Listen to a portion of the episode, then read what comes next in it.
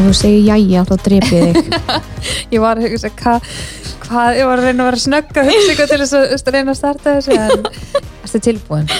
Ég er tilbúin, herri, það er risa stór þáttur Já, framöndan við sko. erum með svaka mikið efni í Já. hérna þátt sko. Við erum bara mættir þetta með tölfur og læti Já, það er sko brjála að gera það er bara undirbúningur og allt sko. aldrei sem vant Nei, uh, uh, Þetta er bara gaman ég er með þess að með þetta sko, ég ætlaði ástæði fyrir þess að þetta er tilbúin er svo að ég er alveg með fullt af spurningur sem ég ætlaði að spurja þig. Já, þannig sem að ég er náttúrulega tilkynnti ólíktana þannig í síðustu viku Já. og að þú ert preggers heldur betur maður. Og já, og svona viðeigandi að byrja hann þátt á að spurja ólétta kona eitthvað spurningum og svo getur við rætt svona alls konar hluti. Bara svona sem að ég get svara líka. Algjörlega, já. Ég náttúrulega setti hana í uh, setti spurningabóks bara þannig í Instastory sem var ótrúlega gaman að fá að heyra bara frá bara hlustendum hva, hvað þau vilja já, hlustendum, hlustendur góðu verið velkomin í bara við.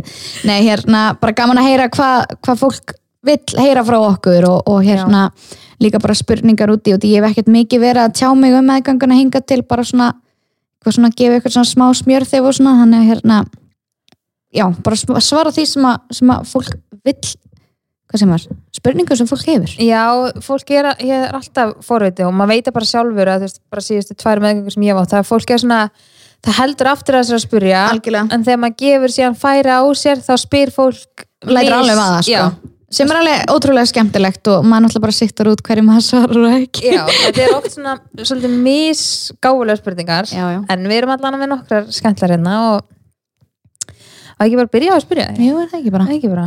En ég, sagt, já, ég sendi spurningarnar á þig og hérna, og þú veist með hérna þetta er bara svona nokkrar spurningar sem að, sem að hérna, ég fekk hana inn í bóksi ok, ok.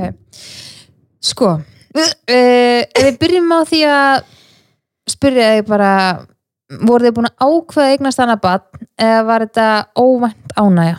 Þetta var rosalega mikil og tilbúin ákvörðun Ok. skal ég segja, eða veist, þetta var hérna við vorum búin að ákveða þetta. Voru þið búin að reyna lengi? Uh, ekki jafn lengi og ég held að þetta myndi taka. Ok, við sagt hérna við vorum einmitt búin að ákveða við ætlum að gera þetta mikið fyrr. Okay. En hérna- það var sko brjála að gera þetta hvít í haust.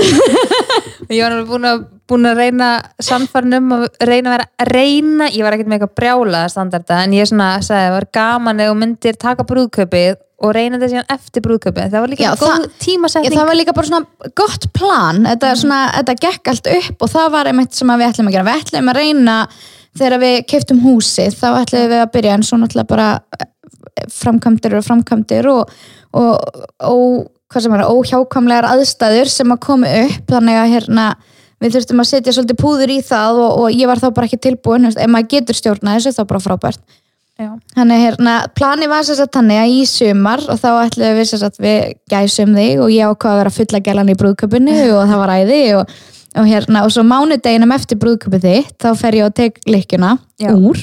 Mhm. Þetta er, bara, þetta er bara alveg plana eftir þetta því, var mjög gott plan Ég mæti hana bara klukkar 11 á mánudagsmorninum eftir brúðköpu þitt sem var á laugardeginum leiði taka lykkjun úr. annar í þing Já. svo fyrir við hérna svo fyrir við til hérna Gríklands þarna í hvað þetta, brúðköpið þetta er 17. ágúst ég tek lykkjuna út 19. Uh, við fyrir til Krítar hvað, 30. Lok ágúst eða eitthvað og hérna brjálega að gera þar Já. og hérna mjög gaman og hérna en ég var, ég var ekki óleitt í þeim mánu málið er að, að ég hef verið með læknin fyrir fram að mig sem segir mér að það gæti verið erfitt fyrir meginarspörn og þess vegna hef ég alltaf sagt bara ef við verðum svo heppin að eignast annar barn ef við verðum svo heppin og því að Gabriel var algjörlega óvænt en samt ánægja. Og bara því lík blessun og við vorum bara ótrúlega þakklátt fyrir að eignast hann. Við vorum við vorum ekki að passa okkur eftir að við fréttum þessar fréttir, eða fengum þessar fréttir. Nei. og hérna þannig að það, það var alveg vita mál en ég var samt alveg ég var held ég, ég var, já ég var ennþá 19 ára því komst ég var ólétt svo já, ég var að sigla hann inn í 12 vikunar bara í kringum 20 ára ammæla mitt sko Já. þannig að það það er alveg snemt en ég, ég, ég hef alltaf verið svo bráðþróska bæði og anda líka með sál þannig að ég hef einhvern veginn alltaf upplifað mig sem aðeins eldri Já. en hérna líka svo gamla vini og svo. en hérna já, ég er svo sagt eh, já, við hérna Þannig að ég er ekkert, ég er ekkert rosalega vongóð um að verða ólétt alveg strax. Ég ákvað bara, ég ætlaði ekkert að þetta farið þann pakka strax að vera eitthvað að pæla í eglospröfum eða svona, ég vildi svolítið bara, mig langaði ótrúlega mikið að þetta barn myndi koma undan ást bara og engri pressu og ekkert að frétta, en þú veist, auðvitað náttúrulega þegar að því kemur þá myndum við bara þurfa að fara í það og var alveg opinn fyrir því. En svo var ég bara ólétt þannig að, hvað, í byrjun oktober. Já, ég man það koma Þetta var einn tíðarhingur. Og ég man einmitt eftir að ég spurði þig þá hvort þú hefði orðið fyrir vombriðum Já. og ég því að ég held ég, held ég eigi mér þessi ennþá snappi sem ég sendi þér uh, þegar ég var í fílu á klósettinu þegar ég byrjaði á túr Já. en ég man, ég, ég man að ég var ótrúlega mikið að reyna að hugreista þig að maður þyrfti eiginlega að taka eitt tíðringa þegar var ekki Mhm. búið að líða eitt tíðarhingur hana á mitti þú er reyna bara tekur líkin úr mm og svo bara er þetta eiginlega fyrsta skipti sem þú ferð hana í rauninni á túr eftir það Já, ég er sem sagt, er basically, ég er að byrja á túr þegar ég, voðalega erum við heimilistar í þessu podcasti og ég, en að segja, ég fattaði það ekki fyrir en eftir og ég sko, ég sagði, ég var að senda þér mynd af klósettinu þegar, já, já, við erum þar, sko. já, já, og ekki eins og hérna- gefa okkur upp það sko. En hérna, já, ég sem sagt var að byrja á túr þegar að ég fer þannig til hvern sjúkdómalegnis og er talað taka leikin úr, þannig ég byrja eiginlega bara strax á túr við það Já. og hérna, að blætti alveg mikið á mér þegar ég taka líkin á mér. Já, þetta getur verið svona ertingur en málega ég sendi alveg um morgunin átti tímaðana klokkan 11 Mhm. sendi um morgunin bara, hey, veist, þetta er að byrja. Já, já. hún bara, bara ennþá betra, bara skelltur í. Okay. Þannig hún sagði, hann sagði mig um þetta, þegar maður tekur, tekur líkin úr þá er það að taka eitthvað svona hormón úr líkamannum og þá oft byrja að koma túr og ég átti ekki að fara túr en þegar ég byrja, tók líkin úr. Já, og það, mér brá alveg því ég var ekki undirbúin Já en ég var líka á, ég var á koparleikinu sem er bara staðbundin Já. hormón, það ekkert hefur ekkert frekar áhrif en það er rosalega eins og allir sjá núna sko, sem ég viðkvæm fyrir hormónum sko. Nei, hérna, en það var bara ótrúlega ótrúlega dýrmætt að fá þarna að verða ólétt bara, já, á öðrum tíðarhengi, þannig séð. Já, Þannig að hérna, ég var ótrúlega þakklátt fyrir það en já, þetta var mjög mikið planað og Gabriel mjög mikið búin að sviða eftir sískinni já, ég get alveg trúið því. Hann var alveg komin í þann pakka sko, meiri segja út við sögum honum ekkert náttúrulega fyrir en bara eftir tólveikna sónarinn bara vildum vita að það var allt í góðu og, og þetta var bara svona, veist, allt eins og þetta að vera. Já, þá segjum við honum þetta en hérna, hann er fann að skamma pappa sinn sko, veist, áður en að hann kemst að þessi ólétt hann er samt búin að vera ókslega skrítin, hann sko fyrsta daginn, en þegar ég pissa á prófið þá er hann að teikna mynd í leikskólanum að fjagra manna fjölskyldu já, ok. Og leikskólakennar og hann alltaf veit ekki neitt. Þetta er bara sama dag og ég pissa á prófið já. við eigum þessa myndi ennþá. Ég hitti í smárlindinu með ólítið prófi í vasanum. Ég var hann á bílastæðinu brófagat nei hérna já, sama dag og ég pissa á prófið þá fer hann alltaf bara leikskólan og, og bara veit ekki neitt. Og hann teknar hann að fjara manna fjölskyldumynd segir við kennar hann að bara, já þetta er ég, mamma, pappi og litla barnið. Og þau spyrja eitthvað hérna, já eitthvað er, er, er að koma lítið barn eða? Nei, mamma og pappi er ekki nóg duglega að knúsast sko. Þannig að hérna Æ, við vorum samt búin að vera mjög dugleg og ég var orðin ólega en hérna og já, svo var hann farin að skamma pappa sinna, hann vengt sem hann láði hann upp í rúmi og hann var að sofa eitthvað. Hann komin upp í og svona var hann bara að hafa það notalegt. Og allt í henni bara upp úr þurru bara, oh, pappi og við eitthvað, hvað er hérna, hvað er frétta? Og Rabbi bara eitthvað, hvað, hvað, hvað gengur eiginlega ert ekki einu svona að reyna að setja barn í bumbuna með mig? Nei. Og Rabbi bara horfir á mig hann bara, please, ég segja hann um það hann er alveg svo pyrrar út í mig. Og ég eitthvað svona, nei, við erum alveg að fara í bara, við skulum haldið þetta út. Og hérna, og Rabbi eitthvað, nú hvað hérna, hvernig á ég að reyna betur? Svona, þú, pappi, þú átt bara að rempast og rempast og þá kemur þetta. Þannig að hann er mjög spenntur og er algjör svona bannakall þannig að ég, þetta er bara ótrúlega dýrmætt ferli og ókslega skemmtilegt. Já, líka verið bara útrúlega þróskandi fyrir hann þú veist svona Algjörlega. upplifin að bara af heimilislífinu. ábyrð og orðin þú veist stór og eitthvað. Mm -hmm. þannig að já, ok. Þetta var planað og hvað varstu komin langt þegar þú varst eða þegar þú fattar að vera hann ólega sko ég er ekki nóg klári að telja þetta með þú veist tíðarhingin og, og allt eitthvað svo leiðis en þú veist, ég var náttúrulega bara sko eina ástæðan fyrir því hérna já ástæðan fyrir að ég tók prófið eða spissa prófið var út í að búin svo brjáli í skapinu. Greið rappi ég er sko fyrst að þegar ég segja hann að maður sé óleitt þá er bara ég er með útskýringu. Þetta er ástæðan. Það er bara já ok frábært. En hérna en já, ég var, ég var held ég komin þrjá daga fram meður blæðingar. Já. Uh, ég held, er það ekki cirka fjóra vikur eða eitthvað? Ég, það er eitthvað Ég held þrjár, að- þrjár já. eða fjóra vikur. Svo fóstu þarna í snemsónurinn og þá varstu komin mannstu eitthvað um átta vikur eða eitthvað. Já, alveg- ég var nefnilega að telja frá túr basically, já, en það er ekki það var ég komin átta eða nýju vikur þegar ég fór í snemsónur já, en ég held að sé sko tvær vikur ég held að sé frá eglósi já, ég held að sé tala um, já, ég held að sé tala frá eglósi þannig að það sem sem en þetta var löng byð í helviti sónurinn ándjóks, það harður heimur Já, og segi ég um, Svo heldum okkur hérna við spurningarna sem Einmitt. að þú sendið mér sjálf uh, eins að þetta vel undirbúin fyrir þessu spurningum Nei. Hvernig sagðir þið Rappa og Gabriel frá? sko, hérna uh, ég er náttúrulega fó bara inn í ég mun aldrei skilja konur sem geta haldið þessu bara fyrir sig og búið til eitthvað svona moment eða Mhm. eitthvað. Og hérna, og því að í bæði skiptin þegar ég var ólétt hef ég bara, veist, mann tekur alltaf morgun pissi, þarna í, í hérna á óléttuprónu og ég hef bara hoppað yfir rúm, sko. Og bara, þú veist, bara ég er ólétt, þú veist, alveg hérna, sko. Og það var svolítið bara sem er okkar moment út af því að Rappi bað mín líka þannig. Mm. Veist, hann var sér að þegar, þegar hann hérna bað mig um að gifta sér þá vor, var, ég búin að vera erlendis í alveg þrjár vikur og hann var með eitthvað voða planaðar eitthvað um kvöldi en máli er að fluginu mínu var senkað um sólaring Já, ok. En var eitthvað, hérna var eitthvað cancelled og, og eitthvað böllavesen og hann var á nætuvakt þegar ég kem heim. Og ég fer bara, þetta var á vestunum hann helgina þannig ég fer eitthvað bara, veist, upp í sveitilum og afa sem allir eru, og gaman eitthvað og, og hann klára nætuvaktina og er búinn svona fjögur eða eitthvað og keirir, veist, í tvo tíma. Nei. og hann er svo spenntur að hann vekur mig með hringin undir seng, veist, þannig að þetta er einhvern veginn svona okkar dæmi að, að hérna, allar svona stóra fréttir koma þangað, þangað. þannig að hérna ég, ég hoppaði bara upp í rúm og sagði honum og, og hann alltaf bara, bara þvílíkliði, Ok, útrúlega gaman. Og með Gabriel, hann hérna við settist bara með hennum í sófan og við eigum vídeo á því, sko, ég veit ekki hvort þið ætla að deila, þú veist, eitthvað opinbella þetta er bara svona eitthvað sem er dýrmætt fyrir okkur auga en hérna, já Hann og er bara eitthvað svona Þetta er eitthvað sem hann er búin að langa ógsta lengi en samt er hann bara ekki viss af því að hann er bara hvað er barnið? Nei, bara, sko, hann held líka að við varum með fokki honum, sko. Já. og því að hann var alveg svona, veist, og hérna Rappi segir alveg svona, já, hérna mamma er komið bann í magan og hann bara, nei nei. Rappi er bara, jú nei, þið er að djóka. Hérna, sko. Æ. þannig að hérna, það var ótrúlega skemmtilegt og hann ótrúlega glæður og ekkert aðeinslega spenntur. Þannig að það var ótrúlega gaman.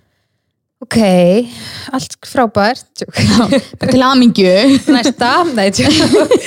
uh, Mér langar líka krassandi sem ég veit ekki en þú veist, efast um það komið en alltaf uh, hvernig leiðir fyrstu vikunar og hvernig líður núna? Sko, fyrstu vikunar ætla ég bara að segja algjörlega reynd út var bara viðbjör. Ég, mér fannst ég vera lifandi í helvíti og Ok.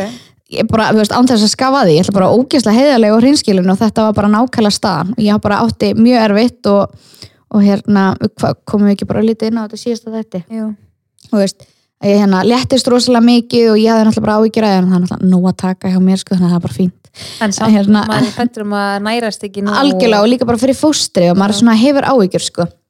En ég var alveg, já, ég var bókstala ælandi eins og ég var í fullri vinnu við það. Ég var ælandi frá 8 morgnana til svona 4-5 á daginn. Eftir það var þetta svona alveg bærilegt en mér var samt alveg flökurt. Já. Og hérna, en ég var ælandi bókstaflega allan daginn, ég bara, ég komst ekki út úr húsi og ég eftir sko þrísvar eða fjóru sinnum stopp út í kanti og æla þegar ég var að sækja Gabriel í leikskólan sko Shit. Þannig að hérna, þetta var mjög krefjandi tími og varði alveg þarna í einhverjar góðar fimm eða sex vikur. Já. Þannig að hérna, ég er mjög þakklátt fyrir það að vera allavega hægt að æla Mm í billi. Og Líka rosa, bara svo mikið ála á líkamann já, og þetta er bara svona, þetta, veist, þetta verður svo líjandi, þú veist, Mhm. þetta er bara, og ég veit ekki, ég veit ekki hversu oft, ég er bara enda grátandi eftir daginn, bara í fangin að rappa, bara, ég get ekki meira, ég get þetta ekki. Þú veist, ég er bara alveg, alveg búin, sko. Líka þegar að- maður sér ekki fyrir endan á þessu Þú veist, maður er bara eitthvað, þú veist ekki, er þetta að fara að klárast núna eða á ég þetta eftir að vera næstu 30 vikurnar algjörlega, þú veist, þú veist, þetta er ekkert endilega bara fyrstu vikun og sumir eru bara ælanda alla meðganguna og, Mhm. og allt það, en, en hérna ég er svona, já, ælustúsi minkaði aðeins í kringum jólin Já. en ég er svona aðeins verið að vinna upp matalist síðan þá, ég er svona finna fyrst í þessari viku, ég er svona öll að koma ok, þannig ég er svona þakklátt það er gott, já það er ekkert verður en að vera þú veist, bara einmitt, ælandi og tæpur og eitthvað. algjörlega og svo er maður líka bara mér leiði alltaf eins og ég væri svona svífandi þrei metrum fyrir ofan hausina mér ég var ekkert í líkamanum Nei. mínum ég var bara í einhverju móki en bara í góðan rúm veist, já, rúman einn eða einn halvan mánuð Mhm. og svo náttúrulega er maður bara, veist, veist, jú, jú, mann svo nánustu vita þetta og maður svolítið bara hverfur að yfirborða jarðar, mm Mhm. -hmm. maður bara, þetta er bara verkefni sem maður er að taka Nákvæmlega. en svo spurningarna er munur á meðgöngunni núna og síðustu með Gabriel ég er náttúrulega bara gengin rúmlega átján vikur sko, þannig að ég get voða lítið sagt nema bara fram að þessu já, en jú, mér er óglatt með Gabriel en ég ældi ekki. Með, en svo er aftur á móti það, þú veist ég veit ekki hvort er betra jafnvel. Nei. hvort það sé jafnvel betra að fá bara þessa litlu losun sem Mhm. maður fær þegar maður ælir bara. Mm Þú veist, held frekar en að vera bara óglatt allan daginn. Já, en, en vissulega ekki næringarlega séð og ég var náttúrulega bara alveg í yngri móki bara út af því ég var bara svo næringarsneið og, og þreytt og, Mhm. og allt sem fylgdi því sko Mér, ég er líka bara svo hrætt um tennuna mínar þegar ég æli já, sama hérna, ég var bara, ég gerði ekki annan að þambista mig. Mm þakklátt fyrir að hafa fengið samstarfi kólketan á þessum tíma. uh, hvernig var það að fela óléttuna fyrir samfélagsmiðlum og um heiminum svona lengi? Já, þetta voru, það voru mjög margir sem spurða þessu. Út af því að hérna, og alveg margir sem voru bara hérna, er ekki gaman að vera búin að tilkynna. Ég veit ekki ég veit ekki ég veit, ég ætla ekki að, veist, mér langaði ekki að tilkynna þetta strax. Ég veit ekki það alveg. Og því að ég er svona, mér finnst þetta veist, eins mikið og maður er opinskár og talar rosa opinskátt og er rosa óheflaður og, og svona, en þá eru samt vissi hlutir sem fyrir mig persónulega eru bara svo ótrúlega persónulegir og sem ég tel alveg vera svolítið prívat sko. Og hérna, og það er meðal annars börni mín og heimili mitt og, og svona fjölskyldulífi mitt, bara út af því að ég á það svolítið bara fyrir mig, veist, það er ekki eitthvað sem að sem að mér finnst vera svona almenningseign út í að fólk fer svolítið að koma fram við mann svolítið þannig þegar maður er í þessari stuði sem við erum. Og hérna þannig að við ákveðum bara strax eða ég ákveðum strax rappið bara já, gerir þetta, höfður þetta bara nákvæmlega eins og vilt þetta hefur engin áhrif á hann sko. Hann, bara, hann er bara rosa sáttur og við, við allt sitt sko og ég, þú veist, en ég svona fer smá að pæla í þessu og, og ég bara svona já. En ég, þú veist, ég tala alveg um þetta og sagði alveg frá í kringum mig og svona fólki sem ég var að tala við og fólki sem ég er í samskiptum við en bað bara um að þú veist eina sem ég vildi var bara ekki að heimurinn myndi frétt þetta strax. Og því ég var bara ekki tilbúin í það. Nei. og hérna, þannig að mér þótt þetta í alvörinni bara ótrúlega bara fallegur og dýrmætið tími að fá bara eða þetta fyrir okkur og vera svolítið bara í búblunni okkar. Það var ótrúlega notalegt. Og eins og ég segi, við ætluðum ekkert að tilkynna þetta neitt strax, ég svolítið bara svona neittist til þess út af því að þetta var fyrir að fréttast rosalega mikið og ég var bara hægt að geta að falið þetta. Já, og fólk var farið svolítið að glápa út í búið og svona en svo held ég að ég var einmitt tilbúin en ég fekk svona smá, ég veit ekki að fekk svona smá taugafall þegar ég vaknaði morgun eftir að hafa tilkynnt þetta, tilkynnt þetta og þetta bara komið í alla fjölmiðla og ég bara svona, þetta er ekki ég bara svona, ó þetta er svo ekki ykkar til að fjallum, Nei. bara svo innilega ekki nákvæmlega en ég talaði um það í stóri þannig að eftir ég tilkynnti að bara hérna veist, ég mun bara taka þetta í mínum skrifum mm. Mhm. hvort sem ég leiði að fylgjast með eða, eða hérna, hvort ég breyti því hvernig ég nálgast mína miðla veist, ég veit það ekki, ég ætla svolítið bara ekkert að setja mig neinn mörk í kringu ég ætla bara, ef það kemur þá kemur það Já, nákvæmlega. Það er líka svo erfitt að ætla eitthvað ákveða sem að, svo veit maður ekki, verði badnið ekki, þú veist, kannski með kveisubatnið ekki Mhm. vært eða verði eitthvað, þú veist, vesen þá er útrúlega erfitt að vera kannski búin að ákveða að gera eitthvað, Algjörlega. öðru sig og bara aðstæða sem maður ræðir ekki við algjörlega, þannig að maður verður svolítið bara að taka þetta veist, eins og ég hef sagt bara í gernum allar sem meðgangi ég ætla bara taka eitt að einu Já, nákvæmlega. Það er líka bara langt best. mm -hmm. Um, svo er, hérna, er eitthvað sem maður ætlar að gera, að gera öðru sig að þessara meðgöngu, hreyfing, matar eða annað. Uh, já, 100% ég hef talað mikið um þig og ég nefndi því stóri líka um daginn að hérna, ég náttúrulega vannrækti líka minn ótrúlega mikið, bara bæði líkama og sálina mína á síðustu meðgöngu. Þannig að hérna Ég ætla að gera það algjörlega öðruvísi. Við erum að koma gest í stúdíu. Við erum að læðast. Við erum við sérstakann óléttu gestina. Egil Plóter vel. Nei, hérna, já, ég vannrækti bara líka minn og, og andan minn rosa mikið á síðustu meðgöngu og ég fekk alveg, ég fekk að í hausin eftir ég átti. Þannig að ég er að nálgast þetta með bara, ekki bara eh, an, annað sem ég geri, hvað var að mataræði og hreyfingu og svona, heldur líka bara, þetta er allt í lagi, Egil, menn þú getur bara hérna, Það er allir vinur, þetta er allir lagi ástin. Hann er að svitna.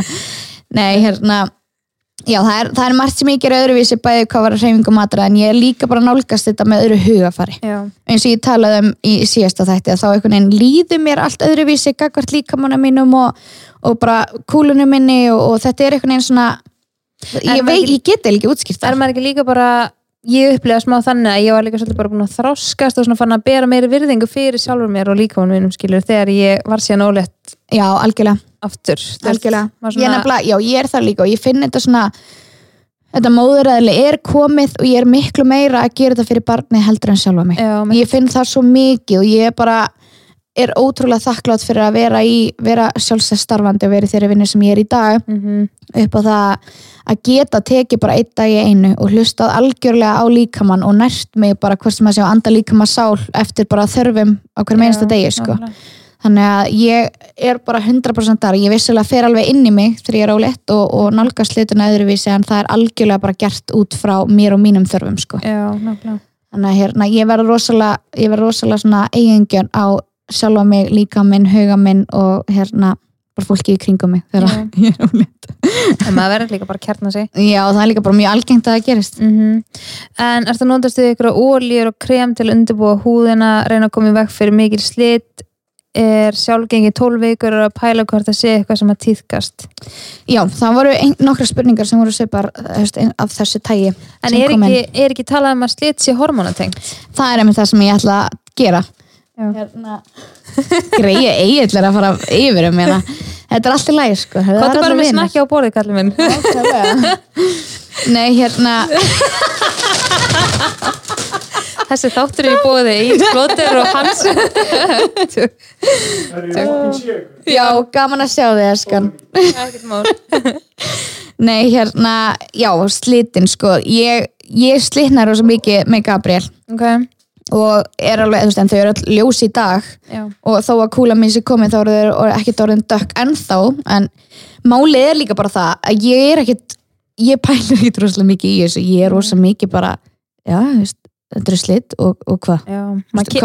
Getur ekki ekkert gert í þessu vissulega, en ég læra það þegar ég var á Hulta Gabriel. Ég, jú, jú mann er svona, líkamanns er að breytast og kúlan er að stækka og það er að tegjast á þessu mann er fyrirlega að klæja Mhm. þannig að ég alveg passa mig ég hérna nota krem og, og alveg feitkrem og svona á líkamann bara út af því að ég verð pyrruð þegar ég sef veist, ég sef almennt mjög illa þegar ég er ólétt og bara frá fyrsta degi að báða meðgöngum verði meira góðu en hérna, en það hjálpar alveg til veist, til dæmis að vera með eitthvað svona magnesiumkrem fyrir fæturnar og, og bara feitkrem á húðin og af því að mér finnst húðin verða almennt þurrari.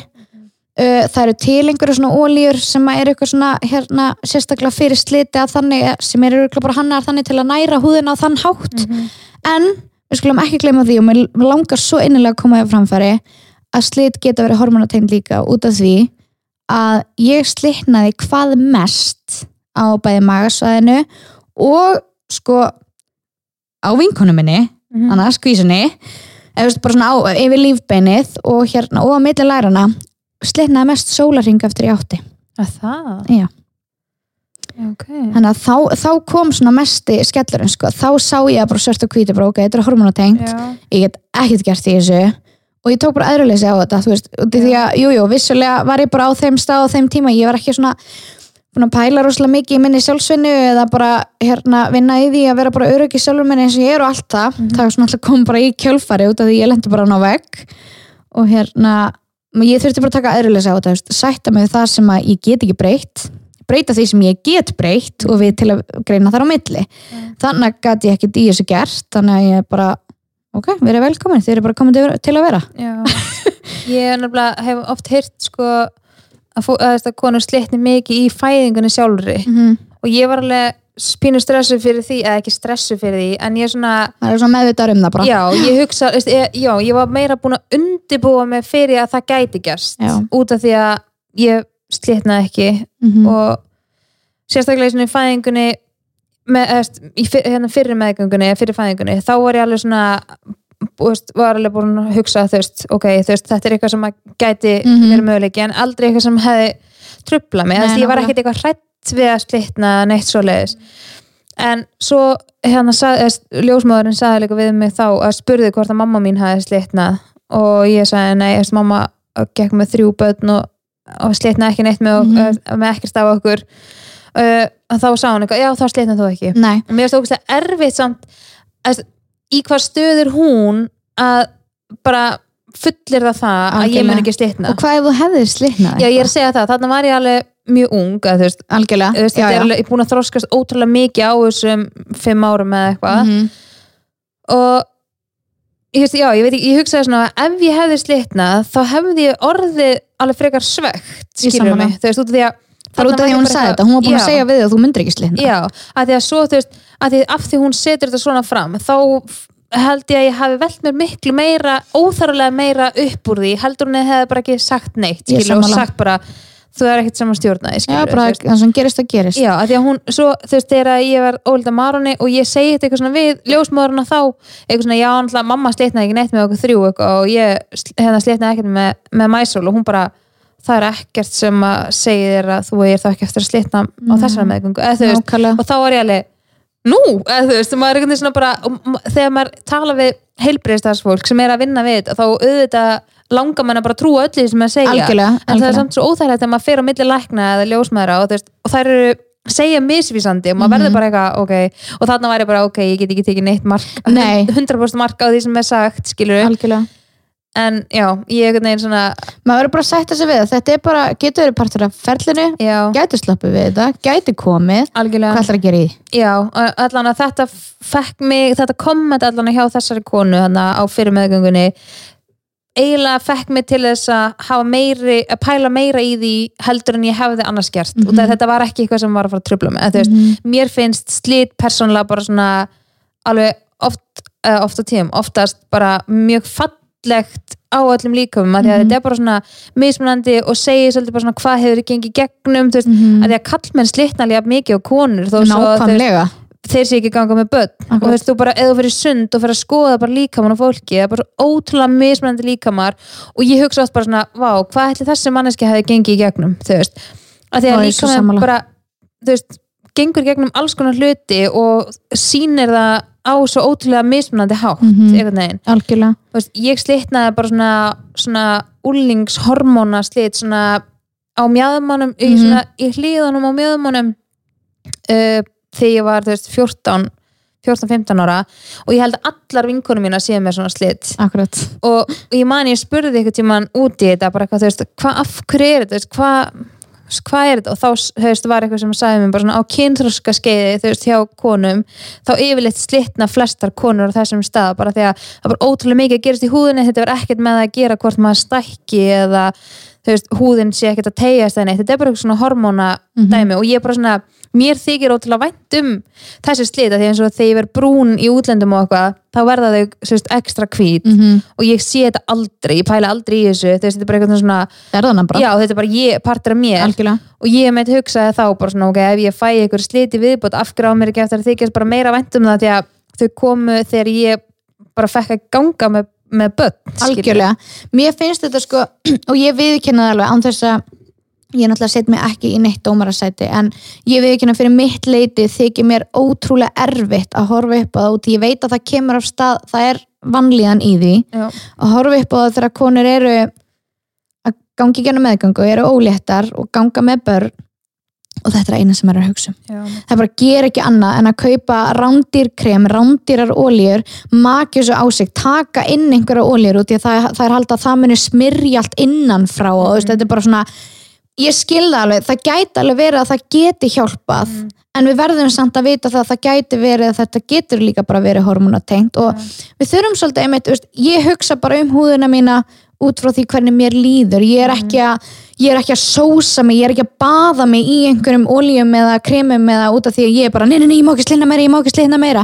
Ég er ekki að panika yfir þessu því að sumt er bara sumt ræðið maður ekki við. Nákvæmlega. En jú, ég er að bera á mig alls konar krem og svona sem, að, sem að ég veit bara mér líður vel af og ég næ kannski að sofa betur í nótt og, og alls konar eitthvað svolítið og mér finnst það líka bara notalegt sko, bara til, til að líka koma því að að hérna leif, veist, karlmennir verða oft svolítið undaskildnir á, Mm. undaskildir á óléttu, á meðgöngu hjá konum, þetta fer svo mikið að snúast um okkur við erum að gangi gegnum þetta Mm. en ég er svo meðut um það núna að leifa honum að taka svolítið þátt og það til dæmis á kvöldin að hann nutti fætuna mínar með veist, magnesiumkremi og, og nutti kúluna mína með, með hérna kremum og svona, það er svolítið hann líka bara tengja slíkamannu mínum og því sem hann er að gangi gegnum núna. Já, og það er eitthvað sem er bara svo ótrúlega dýrmætt stund fyrir okkur og mikilvægt fyrir bara okkar samband að við erum svo, við erum svo ótrúlega samstilt bara í ferlinu. Já, þannig að hérna, ég myndi 100% mæla með því fyrir pör sko að bara leifa því svolítið að bara gefa, gefa hvort þau eru þá stund sko. Já, en hérna, Mér finnst líka bara, ég mitt bara á mig, þú veist, svona krem og oljur og eitthvað á, hérna, sérstaklega á setni meðgöngunni. Mhm, að því að ég mitt fann það að það bara svona róaði hugan minn líka að vera bara, að því að mitt maður verður, veist, ég fór ógst mikið í sturtu og mikið í bað og eitthvað sem var bara eitthvað svona með þá heilanum manna eitthvað ég veit ekki, maður verður já, og hérna að það. þú veist, ég fer alveg mjög mikið í bað og styrtu en ég fór alveg ekstra mikið og þetta verður húðin ekstra þurr.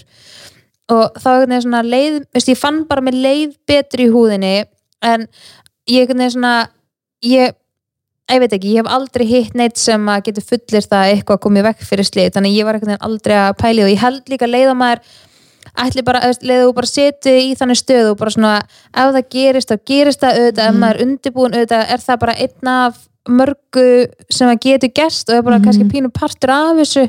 Og leiða maður bara svona sætti sig við þá og þú veist, sætti sig við að líka mann er að breytast, líka mann er að stækka og bara svona, maður á mögulega eftir að geta að fengi líka mann sinn að fulli tilbaka, sér að maður hann að vera tveggjára núna og ég er fyrst að jafna mig alveg líka Akkurat. mann núna. Það er talað um að tekur tvö ár. Já, þú veist, tveimur árum setna ég meina, ég fann það því ég var ólétt af honum, hann skorðaði sig ekki fyrir ná 30, eða, rúmlega 30, eða 39. viku Mhm. bara því að grindin mín var ekki búin að ganga tilbaka Mm. og núna er ég eitthvað svona að passa í, í buksur sem ég hef ekki getað hneft ógst lengi að því að grindin er ennþá ganga tilbaka og þegar að ljósmáðurinn sagði við mig bara get tekið 23 ár að ná þér að fullu aftur að þú er búin að ganga á stuttu tímbali með tvö börn og ég eitthvað svona bullshit að ég Mhm. verði tvö ár að jafna mig það er talað bara grindin, Já. það er vitamál að grindin er tvö ár að ganga alveg og tilbaka og, loka húðin, sér ég sé, er líka bara ég er ennþá að sjá alveg mikið mun á húðinu minni ég bara nákvæmlega.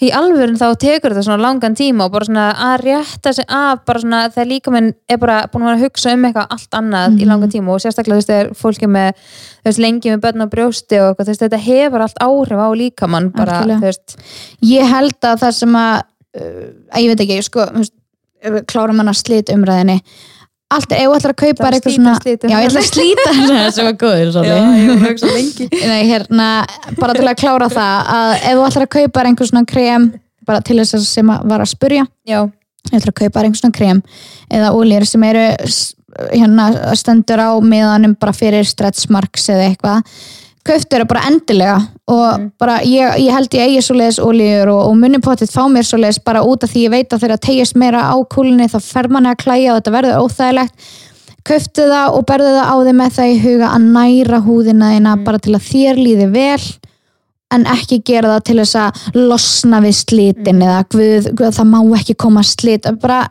við bara getum stundum ekki því maður er bara að reyna að gera allt sem maður lætur mann líða betur. Algjörlega, bara næra húðina og líða vel. Já, en hérna, en með út, veist, út í, við komin út í þetta með hérna, með líkamann eftir, eftir fæðingar og, og á meðgöngu og svona að hérna, ég held að það sem hefur hjálpað mér hvað mest út í að nú á ég alveg erfiða reynslu eftir hérna fæðingunum með Gabriel, ég bæði, bæði átti ótrúlega erfiða meðgöngu mjög erfiða fæðingu og eins og ég segi, fekk ákveðin skell með líkaminn og, og andlega partinu svona eftir veist, eftir hérna það allt saman.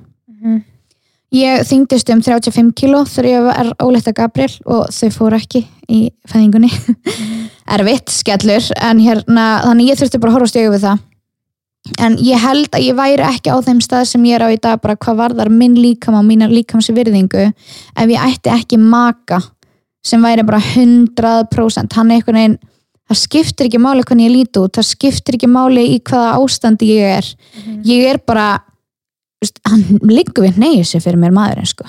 Hann er ekki ekki með þér fyrir útlits Nei, nákvæmlega, hann er ekki svona, hann er bara ef ég er í mínu besta formi hann elskar mig jafn mikið og þegar ég er í mínu besta formi og þegar ég er í mínu versta formi. Ég finn engan mun Nei. á því hvernig hann kemur fram við mig eða hvernig hann er við mig sko. Nei, þannig að það er eitthvað sem að hefur vissilega og ég fór bara svona hugsa út í þetta um daginn ég bara, vá, þú veist, það eru örugglega marga konur sem að eru fastar í samböndum með til dæmis mönnum sem setja bara úslega miklar útlitskröfur á þær Já, og örgulega bara, þú veist, einmitt svona, þú veist, láta mann, eða láta þær eflaust, þú veist, maður hefur heyrt leik af því þegar fólk er svona undir kannski svona pínu pressu, Já. þú veist, að auðvitað er það líka bara þannig að þegar maður, maður er búin að vera í sambandi lengi, þá auðvitað breytist eins og þið byrjuðu saman ógstu ung og ég og Frans byrjuðu saman þegar ég var, hvað, 21 eða 22 eða eitthvað, mm Mhm. það er alveg ótrúlega margt búið að breytast það síðustu sjö árum og og- sko. og, veist, og hvað þá þegar að kona er búin að ganga með tvö börn Mhm. auðvitað er það ekki, ertu ekki eins og þegar þú varst tvítur það segir líka bara svolítið, mér finnst að segja bara svo ótrúlega mikið um makan veist, og bara samskiptin ykkar. Já, og líka bara hann, þú veist, það segir svo mikið um bara persónleikan hjá makanum eða Mhm. þetta ef þetta eru kröfurnar, skilur þú veist, Algjörlega. útlits kröfur jú, jú, auðvitað, auðvitað myndi Frans pikk í mig þú veist, og kannski segja mér að fara að gera eitthvað ef að vanlíðan myndi skína úr 100% mér, en ég hef einmitt sagt þetta við Rabba þegar Rabbi hefur, hann hefur alveg sagt svona eitthvað, eitthvað, æ, ég komið svona pa- pappabömbu og ég er svona sko, ég, það trubla mig ekki Nei, bara svo innilega ekki og mun aldrei gera það. En ég hef sagt það við hann bara ef þér líður illa með það og ef þú vilt gera eitthvað því, þá styðið því því ef þú vilt gera það. En Nákvæmlega. ég mun aldrei út af því ég er, svona, ég er alvörunni bara, ég horfi á hann og minnst hann bara, ég er bara eitthvað oh yeah, sugar daddy, þú veist, ég er bara ég mun, þú veist, og bara ég, við höfum verið í alls konar ástundum líkamlega sko bæðið tvö, þannig að hérna ég hef aldrei hort á hann og, og bara oi, Nei, það hefur líka- aldrei gerst myndi líka, maður, að ég veit ekki það er líka bara held ég ógslag eðlilegt að maður, eða þú veist, það á að vera tíðkast eðlilegt, Mhm. að vera líka bara þeim stað að setja ekki kröfur, þú veist, maður setur nógu miklu kröfur að sjálfa hansi, maður er yngri stöð til að setja kröfur á einhvern annan eða bara fólk, eða makasin eða fólki í kringu sig almennt sko mitt. það er bara um leið og það er farin að vera eitthvað svona vannlíðan út frá Mhm. einhverju líkamlegu eða bara andlegu, þú veist, þá bara er ég all in í að hjálpa þig og vera til þig og taka þátt í því ef þú vilt Mhm. gera eitthvað í því, bara endilega algjörlega, hann að, já, ég meitt þú veist á tíðanbili hvart ég frans úr mikið til þess að veist, fara að reyfa sig, bara því að veist, hann var í fótbolta og eitthvað svona og, og bara þegar þú eldist og þroskast og eignast fjölskyldið þá vartu kannski ekki endalist að sprikla í fótbolta um helgar og eitthvað svona hann að þá hvart ég hann einmitt til þess að fara að reyfa sig en aldrei eitthvað svona einmitt útlits útlitstengt Nei, skilurðu. það er að er að gera þetta og svo að ég, þú veist, oft er maður þú veist, ekki bara konur, bara allir eru kannski svolítið viðkomi fyrir hvernig, þessi, hvernig er komið að því. Þú veist, eins og Mhm. þegar Frans eitthvað segið mig bara eitthvað svona, þú veist, viltu ekki henda ræktina? Og ég bara, ha? Já, ég, hvað sagði þú veist, og hann er bara eitthvað, nei þú varst að tala um að þú ætlaðir að fara en þú komst ekki. Þú veist, þá var hann bara að meina, það er tímum til þess að fara núna viltu ekki drífa Já, hann er bara að peppa þig. já, bara, alveg hann myndi segja bara, "Veist, viltu ekki henda þér í bíó eða? Nákvæmlega. Það er ekki tengis ekki er viðkomin stað eitthvað þá getur maður alveg fljótur að verða sár eða miskilja eða mistúlka algjörlega. Það er bara eitthvað svona, ha, nei, ó, þú veist um, hver hann að fara- samskipti. já, að það, það var oft svona pínur svona áreistar þar sérstaklega eftir átti maðursól að ég líka skil. bara maður var pínu að venjast í að líka mann hafi breyst og akkurat, ég held hann er þið fyrir að ganga tilbaka ég er bara eitthvað neginn satt var upp með einhverju syndubumbu sem varðan og svo bara. Já, og er það ennþá eskan ég var bara ógst að lengi að losna við sko, veist, ólítið kúluna. Já, veist, ég kom heim eftir ég átti mæsól þá var ég ennþá eins og ég væri komin fimm ána á leið. Þú veist, það var skrýtna og En það er var eitthvað sem enginn segir manni Nei. þannig séð. Já, þannig að og, og, veist, allir búin að vera eitthvað svona, þú ert bara svo grann og senda nýja eitthvað vakst og svona, það er bara svo litla kúlu og, og ég bara, mér fannst ég ekkert með litla kúlu bara mjög vennilega kúlu, ég er ógst að búglöng Mhm. þannig að bara dreðið sér vel, ég þyngdist bara þú veist, alveg takt við, já, og, en svo bara einhvern veginn svona það er búið einhvern veginn svona tyggjað onni mann að maður sé svona, svona, svona og svo einhvern veginn kemur heim og er bara allt í einu einn og bara ennþá með ólítið kúlu og ég bara, er hann að batna inni eða hvað er að fokka frétta, Var þú veist, eitthvað hvað farðu, þú veist, ég er búin að vera svona í nýju mánuð, sko. Hvað er í gangi? oh god, ég tengi. En já, ef við hendum okkur aftur inn í spurningarnar uh, Þú elskar hæfist nærbuxur kaupir þér starra meðgöngu ertu með tryggs ég sko verða að byrja á því ég elska það að fylgjendur mínir á Instagram vita hvernig nærbuksur ég elska. Það bara segir allt sem segja þarf við mig og minn karakter og mína miðla, ég elska Já. þetta. Mm. en Það er ekki hérna, eftir að byggja um að fá að kíkja í nærfæðaskúfunni eins og að mér. Nei, ég er alltaf að sína bara. ah, það er engin beðið um það. Nei. en nei, ég reyndar sína það ekki. En ég, en ég, bendi, ég bendi áfram á það sem að mér finnst þægilegt og góð hérna, uh, jú, ég elska high-waist nærbuksur og mér finnst það líka bara að fara vextinu mínum vel út af því ég er alveg mér finnst að fara öllum vel. Já, reyndar, ég er alveg saman, finnst bara pælir líka bikinium uh mér finnst þetta alltaf flott. Ég er alltaf í hæfist Já, og hérna, ég Þú veist sko ekki búa til tusubumbu sko? Nei. Við erum að fara vel með þetta, við erum að klæða þetta á okkur sko. Ég nefnilega er alveg með, eftir meðgöngunum með Gabriel, ég er alveg með svona, þú veist, tala um það alveg sundubumbu sko. Þannig hérna, mér finnst að fara, fara mér best og mér líður bara best. Og það er svona smá eitthvað svona aðhald um magan á mér og ekkert, ég er ekkert endilega í einhverju svona ég er ekkert verið aðhald sko áður en ég var ólétt, ég var ekkert í einhverju jú, jú, ég á aðhaldsnærbuxur sem að maður fer í og svona í vislum og svona. En hérna en já, mér finnst bara gott að vita það er eitthvað svona, það er ekkert verið að rúla niður mér finnst ekkert verra. Og það er með það sem ég er að díla við núna er að reyna að finna mér eitthvað til að vera í að neðan þegar ég er komið kúlu. Mér finnst ekkert verra en að hafa streng undir bumbunni Já, ég bara, ég sko ég, mér hillir við það. Og mér er að segja á, veist, þó ég sé ekki ólétt sko. þannig að hérna, ég vil alltaf hafa yfir og hvað, kaupi ég með stærri á meðgöngu eða er ég með tricks? Sko, ég hef ekki fundið meðgöngunærbuxur, jú, ég hef fundið með, meðgöngunærbuxur sem ég er í alveg í núna. Þær eru ógeðslegar. Og þær eru að gera ekkert fyrir mig. Mér líður ekkert betur í þeim.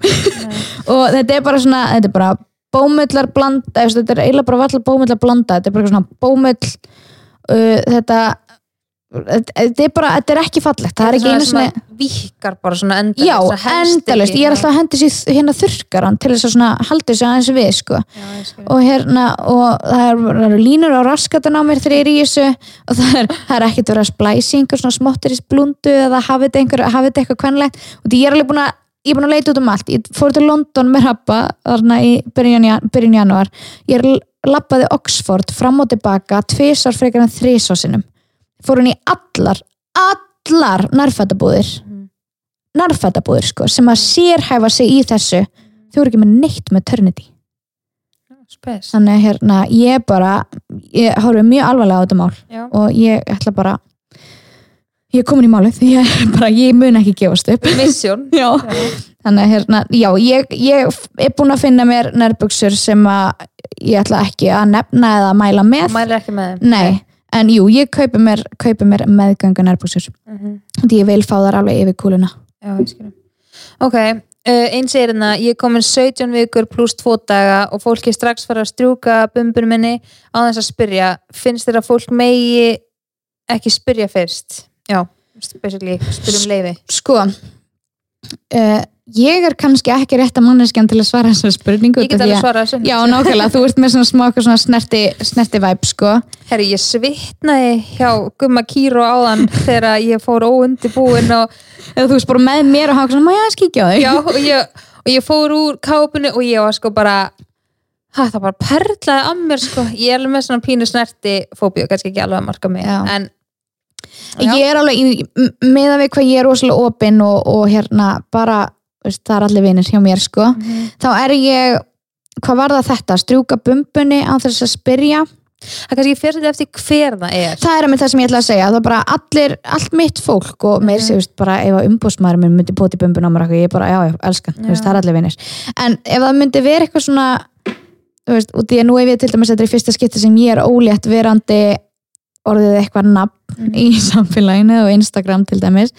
Um, ef einhver myndi koma bara að mér upp í búð eða eitthvað, eða út í búða bara svona, pota eitthvað í bumbunni, ég myndi bara vinkona, já, er hérna, halló Ég lendi mikið í þessu sko á báðum meðgöngunum og Já. oft í svona gömlu mönnum þú veist bara í kringlum, já, mjög oft og sérstaklega með mæsul, ég fór bara næst í þess að grenja því að ég var í liftu með ykkur manni sem, Sem bara?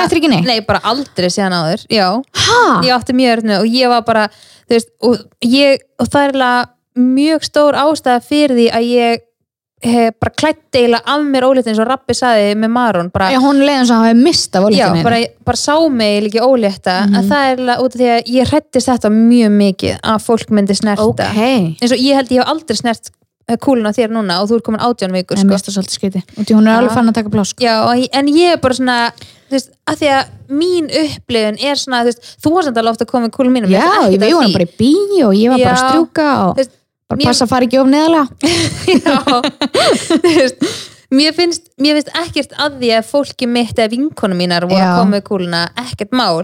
En þegar er svona, æ, ég veit það ekki. Þetta Svo er svo svona- erfitt að setja þetta fram út af því að ég get ekkert sagt ykkur bara ég get ekki tala upp fyrir þér núna hvaða fólk má snerta með kúluna og ekki. Það er svolítið bara að verður að finna á tilfinningunni. Já, en mér finnst bara almenn kurtið því ég spyr alveg, má ég finna, þú veist, Mhm. þótt þetta séu vinkonu mín, af því að mér finnst það líka bara svona fyrir mig, þú veist, þú veist líka ekkert í hvernig skapi fólk gera, þú veist, er fólk þú veist, ég man alveg, mér var stundu bara með, þú veist, alveg freka mikla verki og samdrækt í kúlunum, þú vilt ekkert eitthvað að fólk sé að snerta þá eitthvað Þannig að við myndum, ég held að við myndum bara mæla með því að að fólk Já. einmitt bara spyrja fyrst bara, má ég að snerta? þegar kemur að því að ég fer að snerta þig, skilur, Já. þá á ég alltaf eftir að segja, má ég finna, Já, ég var samt pottet eftir að hætta byggja um að hætta að spyrja, Já, bara að láta vaða. Já. En það er út í að við erum þar. Já, að það þarf líka kannski svona nokkuð skipti kannski, þetta er alveg nýtt veist, nú er ég búin að þekka í þrjú, fjör ári eða eitthvað, eða þrjú ár.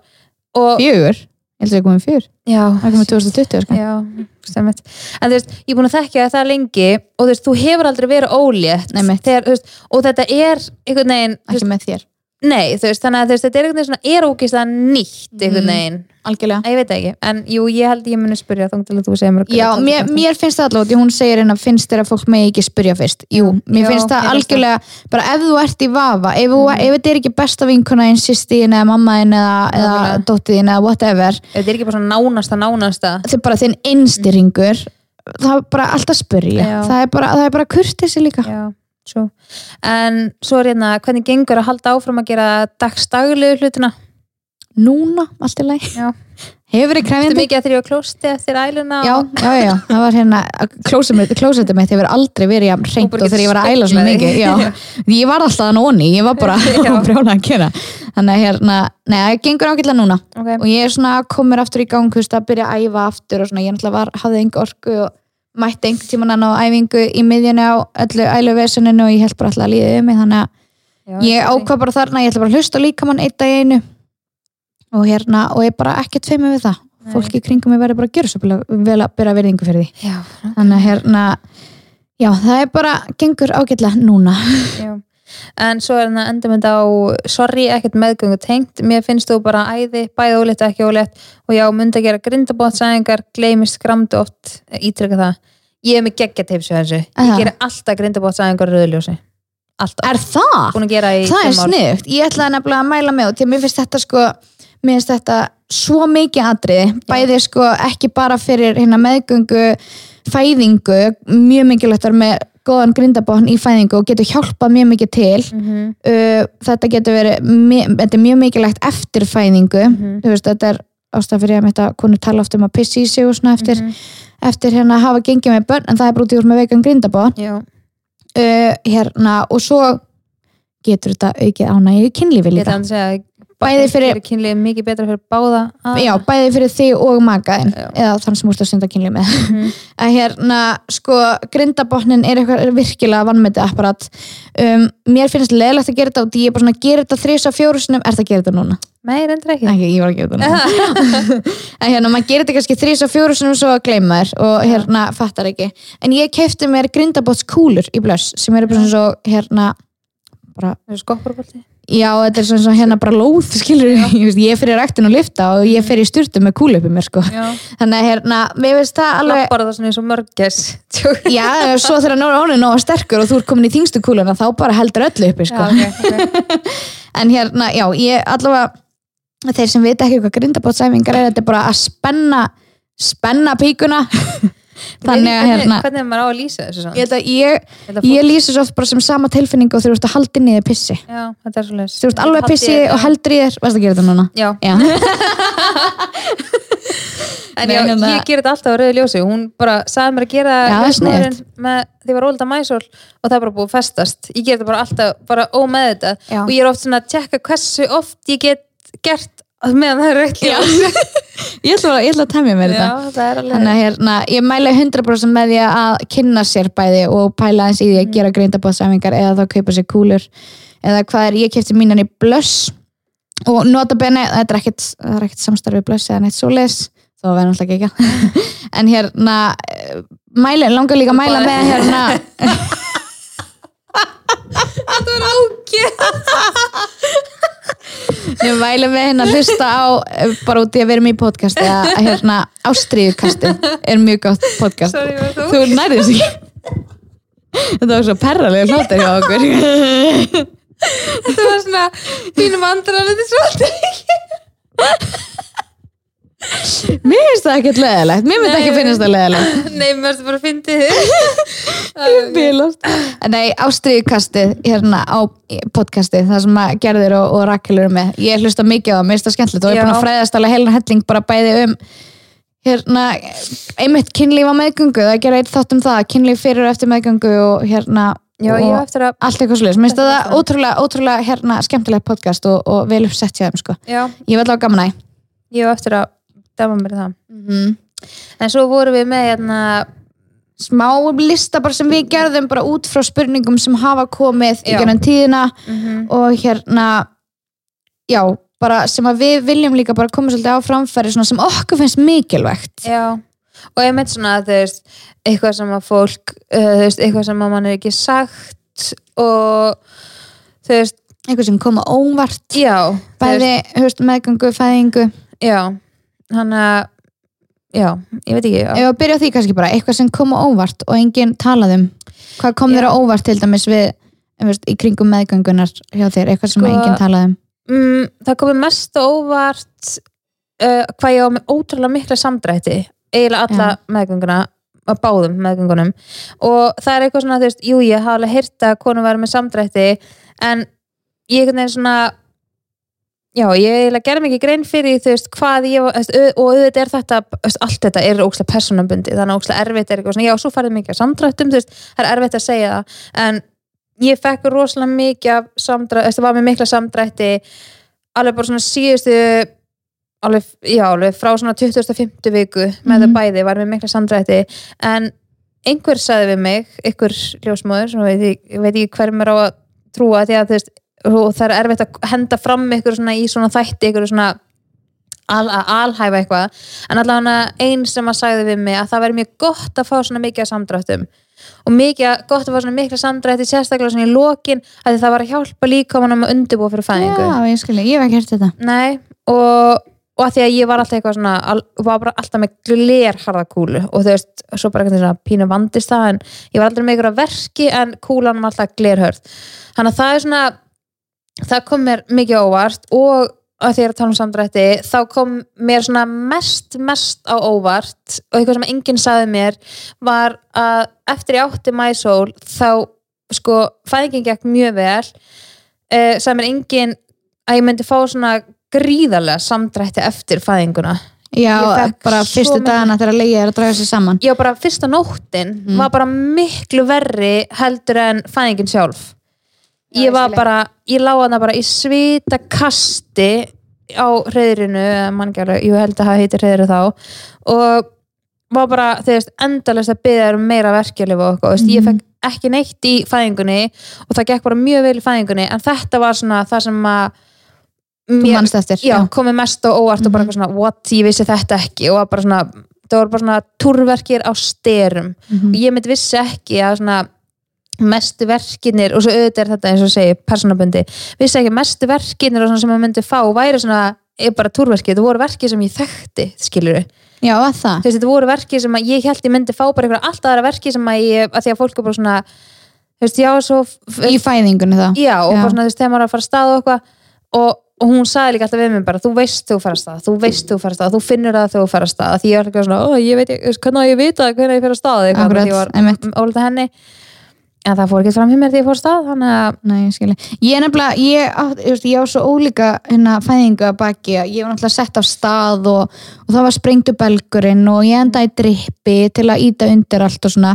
Þannig ég fekk alveg svona, veist, ég man bara eftir þessum hríðaverkjum sem er bara, þetta, ég get ekki eins og líst þessu við túrverki, þetta var bara, þetta heldtók allan líkamann. ég er ekki að meina hríðaverkinir heldur sko á undan Já, bara þurft að, þurft að, svona seyðingurinn þurft að fara í gang. já, Þurft að litla af stað. fyrstu verkinir eru svona túrverki sem að stigmagnast sem að eiginlega síðan enduð í hríðaverkjunum Ég skilji, ok, ég skilji. Ég er náttúrulega upplifið það ekki. Nei, en sko Vonast eftir því núna samt. Já, það er alveg hérna, maður hefur allan heyrt þú veist, fæðingarnir mínu voru mjög svipaðar báðar, þannig að en maður hefur heyrt að þú veist, konur sem að upplifa þú veist, bæði að vera settar að stað og eiga síðan, þú veist, eh, þú veist fara sjálf að stað, það sé svo ólíkt Já, mér langar rosalega mikið að prófa að fara bara sjálf á stað. Já, Svo það náttúrulega bara það sem gerist að gerist. Já, nákvæmlega, Mm. en ég er líka komið pínu óvart, ég held að einhvern veginn maður myndi bara alltaf missa vatnið það? Já, Já, svo, að því að einhvern veginn er bara svona er bíómyndasystemi.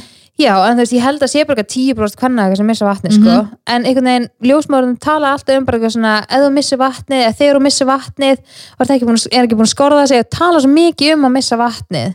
Já, kannski út í að Marun alltaf skorðaði sér svo sein. Já, Já. en sko eins og með hana, þú veist, þá er alltaf bara svona, Bara já, missa vatnið. Já. Þá, þú veist, þetta og ef þú er búin að missa vatnið, þá verður að gera þetta eitthvað hérna. Og ég alltaf svona, já, ok, og ég var alltaf einhvern veginn að býða eftir að missa heldur svo vatnið og misti aldrei vatnið. Bílast. ég líka að þú veist átti mæsól í hérna, já líka eitthvað sem að kom mest óvart sem ég vissi ekki eins og væri til að, að fæðast í sigurkubli Já, einmitt. það er eitthvað sem að ég hef aldrei heyrt Mér finnst það svo klikkað að þú hefur fengið það.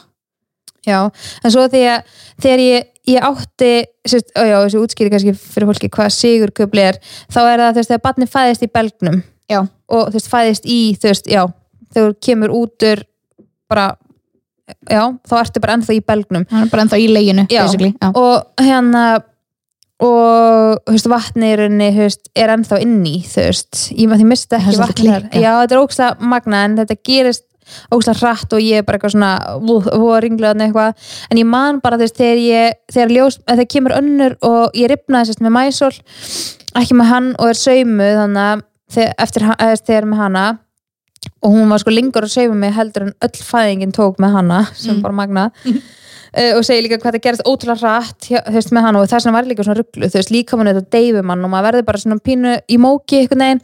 En þær ljósmaðurinn var bara ég, ert þú, ert þú stelpann sem eignaðist barni í belgnum, ég sigur kubli og eitthvað, ég er alltaf bara eitthvað, já og þeim fannst það bara ógsta magna og Já. ég vissi bara ekkert veist, fyrir mér var það bara eðlilegt Já, þetta var ég, eina fæðingin sem þú hefur Já. farið í gegnum og og einhvern veginn enginn sagði mér neitt en svo sagði einanna sem að var eitthvað að þetta með brjóstakjöfun og sagði eitthvað svona að það væri gæfumerki og gæti verið forbóði skignigáfu að fæðast í það. og ég bara eitthvað oh, what? Vá, magna en ég sá fyrir mér eignast ykkur á Nord en Ekki enn sem komið, við sjáum til hvernig þetta fer já, mjög svona allar konur í mínu fjölskyldur eru mjög svona skignar að sjá fyrir sér oft eitthvað svona þannig að Mhm. það það var ekki tengt þessu sigurkubli sko, það var bara í, já, Var eitthvað meira sem varst með sem komur ávart Mm, já, kannski með slímtappan.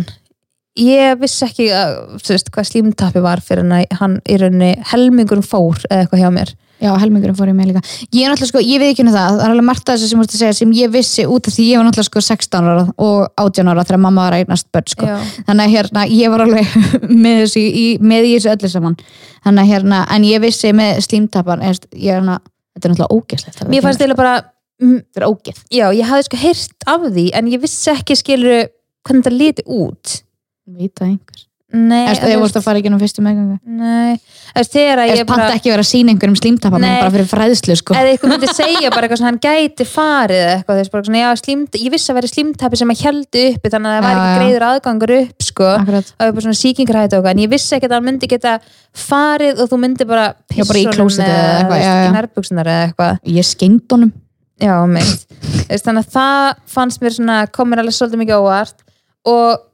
þú fannst mér líka með settu dagur, ég held einhvern veginn að engin myndi eiga á settum degi, ég er bara einhvern veginn svona Nei, það er náttúrulega það er, ekki jafn algengt. Nei, ég held að sé mynd bara eitthvað 5% hvernig eitthvað með eiga á settum degi, já, já okay.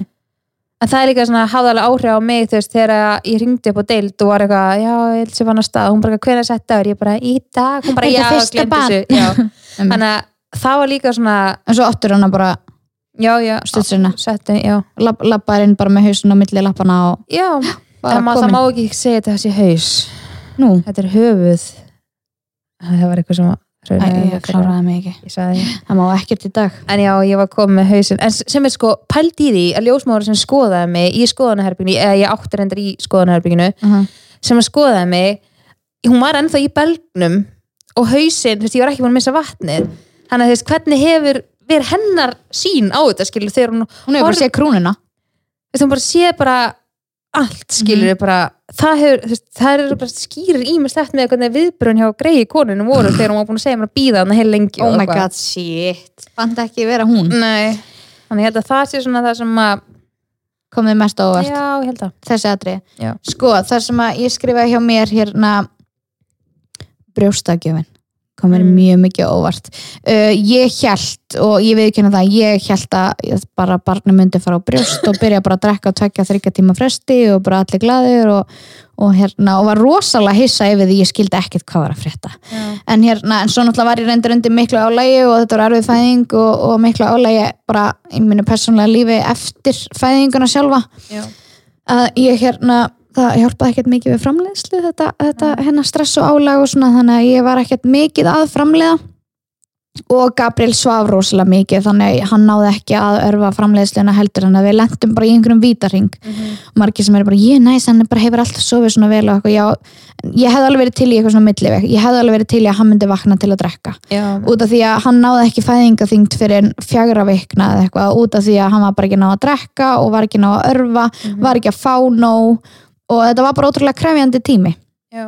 þannig að, og svo náttúrulega er, er þetta þannig vítarhingur hann er ekki fá nóg, þannig að hann er að vannærast og þá þarf hann að sofa meira Mhm. og verður þreyttari þannig að þetta var bara svona ótrúlega erfitt og ég endaði með því að- setja hann bara að peila sem er bara fullkomlega í lægi við bara búum og lifum á þannig tímum að, að við erum rosalega heppin með formúluna sem er til í dag og þetta er allt orðið eitthvað svo fullkomið Mhm.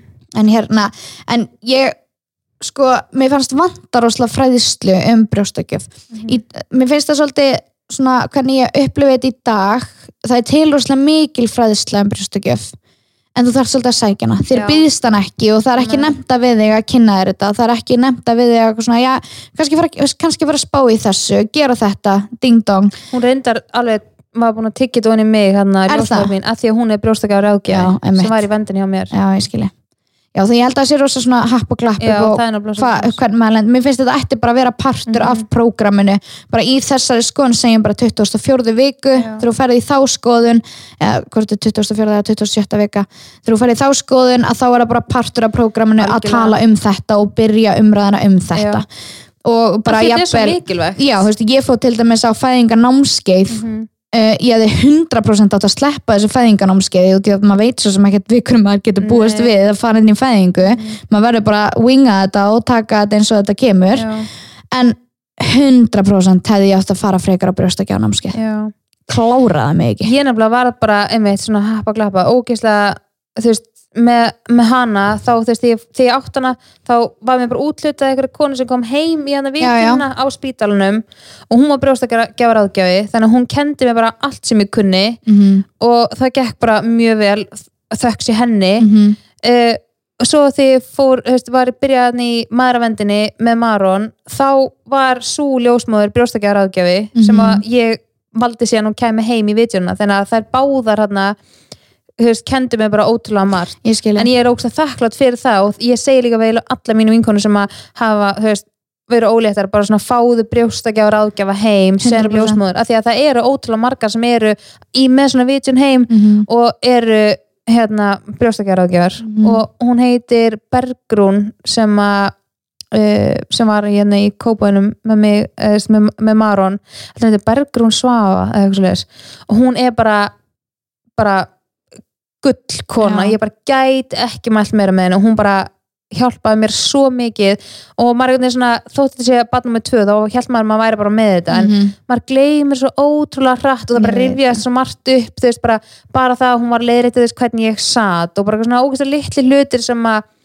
bara áhrif. já, bara upp á bara, þú veist, að fá vöðabólgu og sita svona hins einn okkar bara, það var svo margt sem hún kendi mér sem ég bara svona, já, er bara ótrúlega þakklátt fyrir Ég þannig skilji.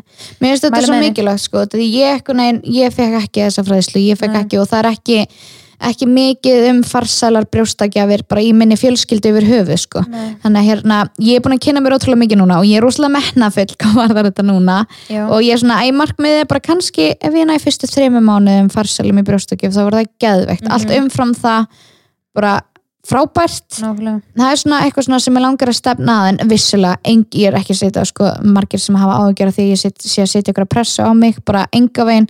Bara ef að bannið þarf að pila þá þarf það bara að pila En í er almáttu spæni algjörlega og þú veist eins og mann langar líka bara svona að vera kannski búin að plana smá að þú veist eins og ég planaði með hana bara hún verður að brjósti. Ó, með hann var ég bara svona þú veist ef ég, ef ég fíla að mér líði vel á meðan ég menn að brjósti þá ger ég það. Algjörlega. Og ég var bara einhvern veginn miklu þægilegri í umgengni þessa fyrstu mánu meðan ég var með hann að því ég var að gefa hann pela með og ég var bara búin að sætta mig við það og þannig erst þú líka bara að segja bara, þú veist, mér langar að reyna brjóstakjöfuna það er fullt af fólki sem, eða fullt af konur sem langar ekki að reyna brjóstakjöfuna sem að verður búin að vera bara svona að fá og tilfinninguna fyrir ég finna bara að mig langar það og ég hef ekkert, það er engin pressa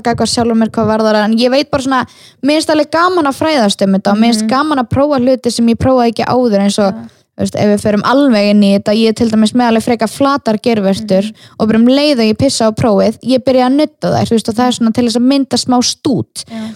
Og það er til dæmis eitthvað sem að enginn sagði mér að gera fyrst. Og, þú, að, þú veist, og það var alveg vesem brjóstökjunum með Gabriel, ég þurfti að fá Mexiko hatt og honum langaði hann ekki og samt var hann ekki að ná að takja á gervertunni og þetta var svona vesen. Þannig að það eru alls konar svona hlutir sem ég er alveg að pæla í núna út af því ég er búin að kynna mér þetta og ég er alveg svona já, tel mig alveg vera svona ok, ég er alveg svona í stakk búin fyrir þetta og ég veit hverju á að búst ég veit að fyrstu vikunar ef ég ætla að gera þetta þá veit ég, ég er að fara að sitja bara Já. ég er að fara að sitja með barn á brjósti og rappi skal bara gjöra svo vel að þjóna mér. Þetta er ótrúlega, auðvitað ógst mikið skuldbending auðvitað, þú veist en, þi, en ég er svona líðið kannski svona pínu eins og þetta sé ekki fullir reynd að þú átt alveg margt inni bara svona, ok, ég reyndi þetta ekki síðast ég er tilbúin í að leggja ótrúlega mikið metna í þetta núna og sjá ég, bara, hvort það gangi. ég veit meira núna. Já. Vist, ég, er, ég er búin að veist, fræðast meira þannig ég er svona já, mér langar alveg að prófa þessa hluti sem ég prófaði ekki áður Já. og bara ef þetta verður öðruvísi geggjað ef þetta verður alveg eins og hann þarf að fá pöla þá bara ekkert mál. Nákvæmlega,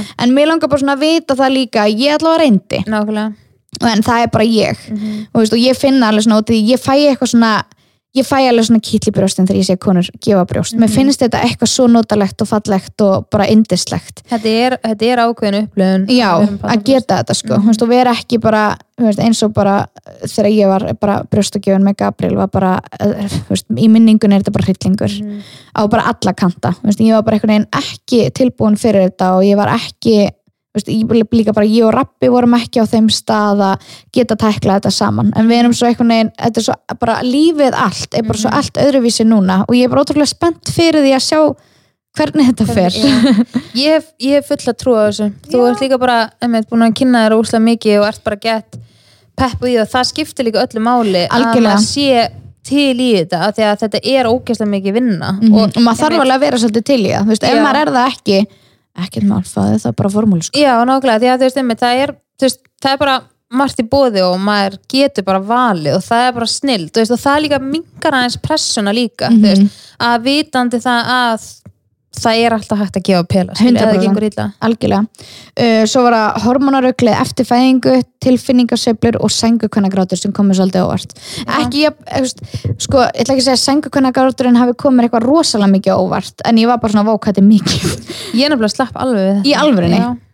Æ, ég var kannski líka, það var náttúrulega, eins og ég segi ég var undir svo miklu álægi að það spilaði svo mikið inni og þetta var allt svolítið, svolítið mikið mikið ég veit ekki, ég núna bara þrý rólegt ég veit að ég er svo miklu meira meðvitaður um veist, ég bara veit, ég veit hvað er að gerast. Mhm. og hérna, svo er það líka já, væri, væri til í meiri og aðgengilegri fræðslu um hvað gerist eftir fæðingu, bæði á spítalunum og heima sérstaklega fyrir frumbyrjur. Þú veist, eins og þú talar um hérna bara samdrættir í leginu og svona eftir fæðinguna tilfinningasveiflunar, sengakvennagráturinn brjóstagjöfin, bara fræðslan með hvað gerist eftir fæðingu þarf að vera meiri. Ég er rosalega heppin með að mamma mín fór í dúlunám á sínum tíma og dúla er svona fæðingar félagi og er, þú veist, getur oft átt, er að hjálpa konum að eiga betri uppleifanir af fæðingu. Er ekki bara svona, við, svona viðstæður í fæðingar, ég hef aldrei heyrt þetta fyrir að þú sagði mér að Já, það, er- þetta er alveg skemmtilegt koncept sko, þetta er ekki ljósmóðir þetta er ekki það fræðilegt en þetta er meira svona já, getur verið svona fæðingafélagi sem, er, sem að er kalla. Og mér dæmis mjög gott að hafa mömmu í fæðingunni hjá mér og mun hafa hana næst. Mamma úr til hlustan en að vera viðstöld ég er ekki mun að spyrja hana en hérna hún gerir líklega ráð. Nei, hérna, mér fannst það svona hún ítti undir það hvað út í því að oft geta makar mann sem verið svolítið, eins og Rabbi, hann var bara horfa upp á mig ganga bara í gennum helviti Mhm. og honum, honum leiði svo illa sjálf mann gæti ekkert gert. Já, en mamma sem bæði mamma mín og Dúla gat bent honum á og veist, í staðin fyrir að hún kom eitthvað að nutta mig og hjálpa mér þá let hún hann nutta mig og Já, hjálpa mér. veist, hún ítti undir þess að svona, þetta veri góð reynsla fyrir okkur saman. Þú veist, oft getur að vera, ég hef heyrt um vinkunum mínar sem að hafa hérna og bara kunningja sem hafa haft mæður sínar í fæðingu og þar hafa gripið fram fyrir makan og verið svona frekar að reyna eiga góða reynslu með dóttur sinni frekar en, en mamma var svo ótrúlega meðvitað um að gera það ekki Já, veist, og það er við svo óendanlega þakklátt fyrir út af því að hann fekk að vera meiri partur að þessu heldur en hann hefði annars verið. Já, veist, hann hefði bara panika sko. Já, eða veist, ekki panika svona, ekki bara vita kannski alveg já, bara svona eitthvað út af því að ég er alveg þannig típa ég er svona, ég bara reyti út um mig bara svona, já, ég vil svona, ég vil svona já, ég vil svona, og hann bara svona eitthvað, já, já, ok, ok, ok ég skal ekki gera svona, ok, ég skal gera þetta.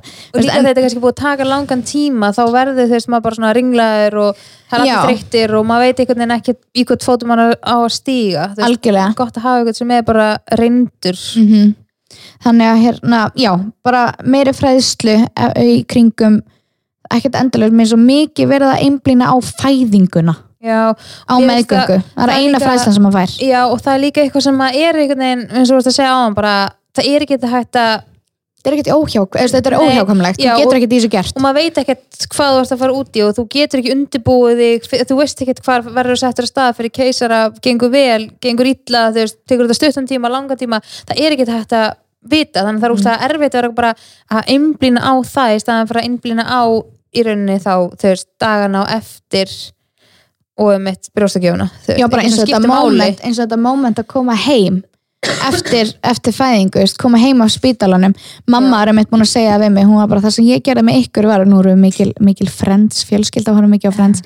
Og við hérna, hún sagði það sem ég gerði með ykkur var að ég sett ykkur, ég kom heim með ykkur sett ykkur í vögguna, náði sængina fram í sófa og kveikt á friends já, og ég, svo, ég gerði þetta. Ég fekk reyndar konu sem kom heim að þrýfa á meðan við vorum upp á spítala sem var alltaf bara best í heimi að koma heim bara í reynt hús.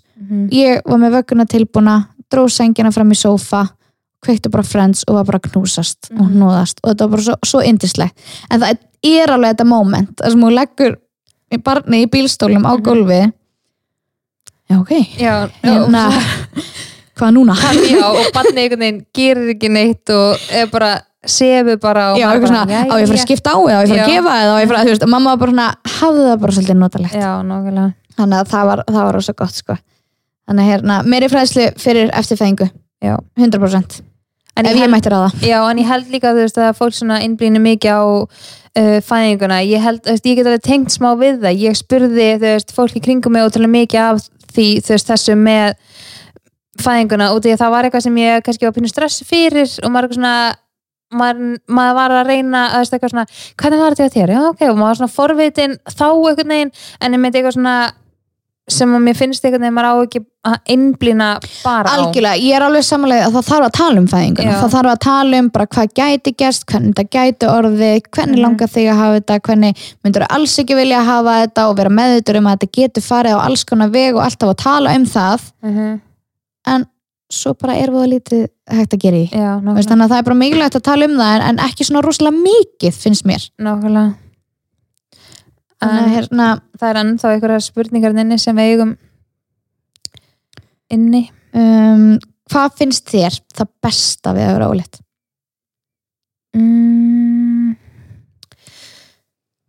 ég held að sé bara, þú veist, mér leið ótrúlega vel á báðum meðgöngunum og var ekkert eitthvað svona sem ég get er eitthvað svona sett út á. Ég held að sé bara svona, maður hugsa svo ógæslega mikið um líkama sinn, Mm. maður svo fókusar á að þú veist, maður sé að ganga með annan einstakling og eitthvað svona og þar leiðandi líður manni eða mér, leið ógæslega vel í líkamanum og þú veist, ég hugsaði ógæslega mikið um þú veist, svefn og mataræði og þú veist, um eitt bara mókslega mikið kremum og hugsaði bara svona ekstra vel um líkamann minn Og þig bara? já, og mig. Og ég held að mér er bara svona líðaninn líka bara svona var bara úrst á slög var bara sátt með þú veist, allt sem var í gangi og bara svona einhvern veginn, já, ég held að ég bara það hafi verið svona besta við. Mm.